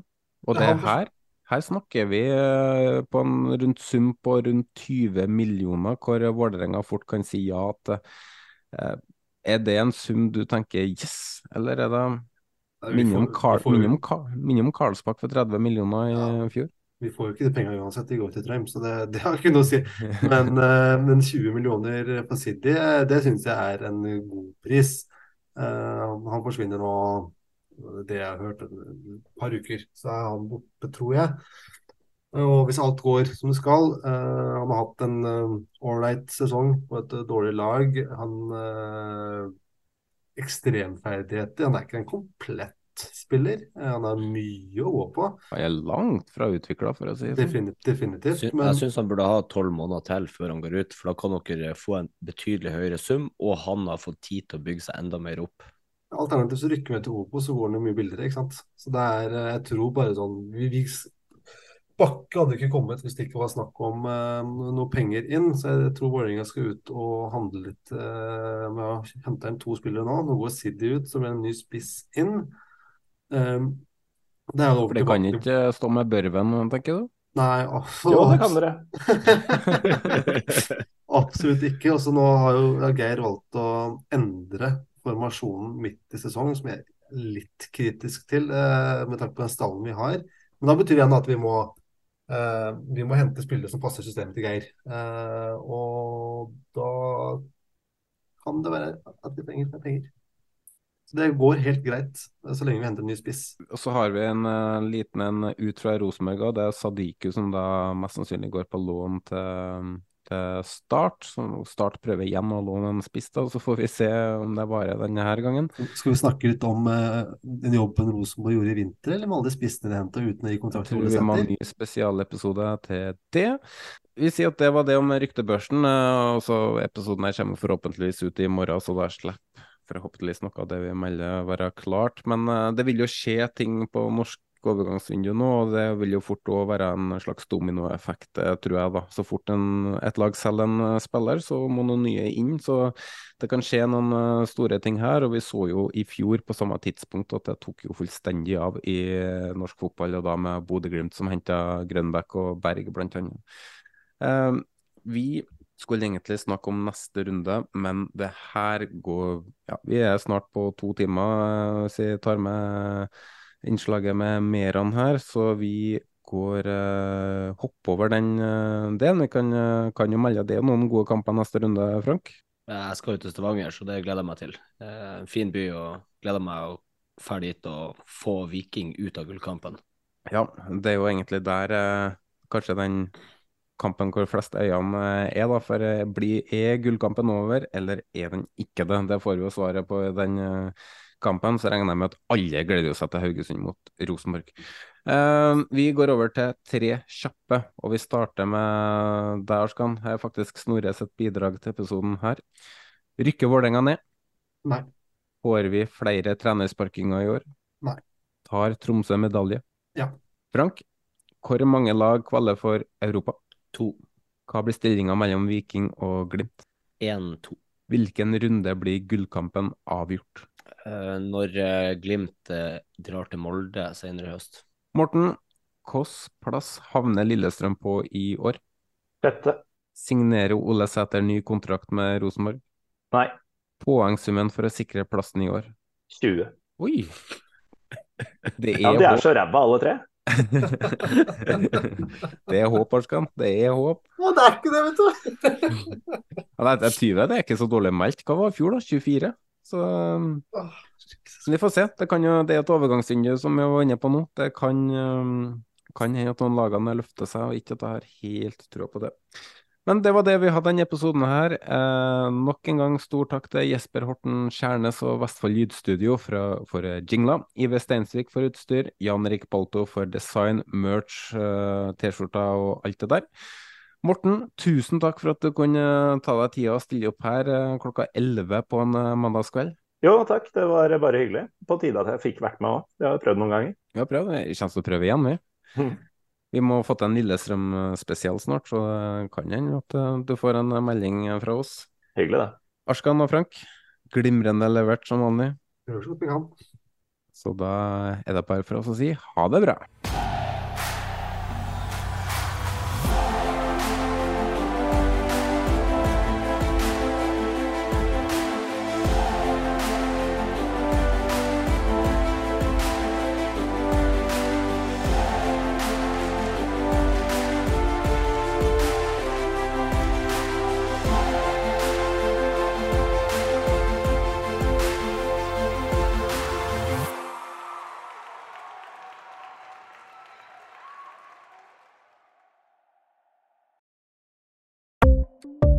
Ukens annonsør er HelloFresh.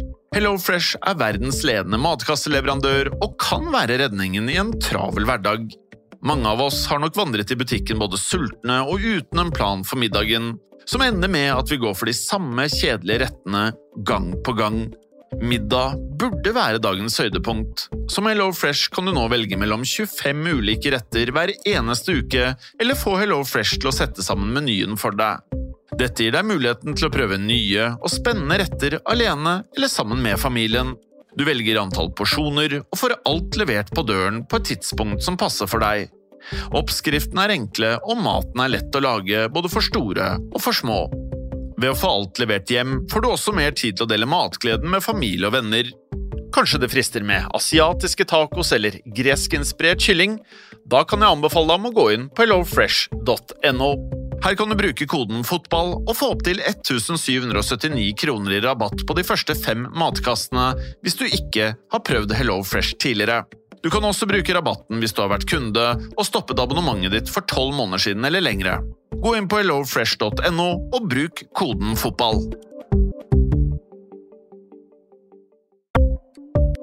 Ukens annonsør er Folio, en smartere banktjeneste for deg som har en egen bedrift eller ønsker å starte for deg selv.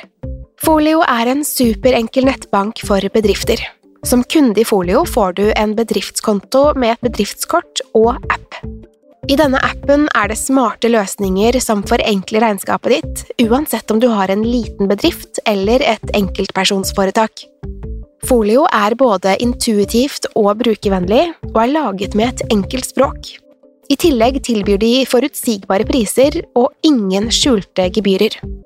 Skulle du likevel trenge det, så kan du snakke med deres raske og hyggelige kundeservice, og der får du prate med en faktisk person og ikke en chatbot. Folio er med andre ord både enklere og koseligere enn banken.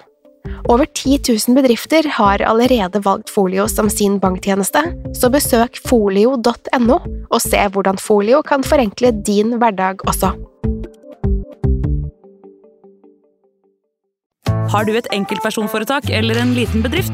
Da er du sikkert lei av å høre meg snakke om hvor enkelt det er med kvitteringer og bilag i fiken, så vi gir oss her, vi. Fordi vi liker enkelt. Fiken superenkelt regnskap.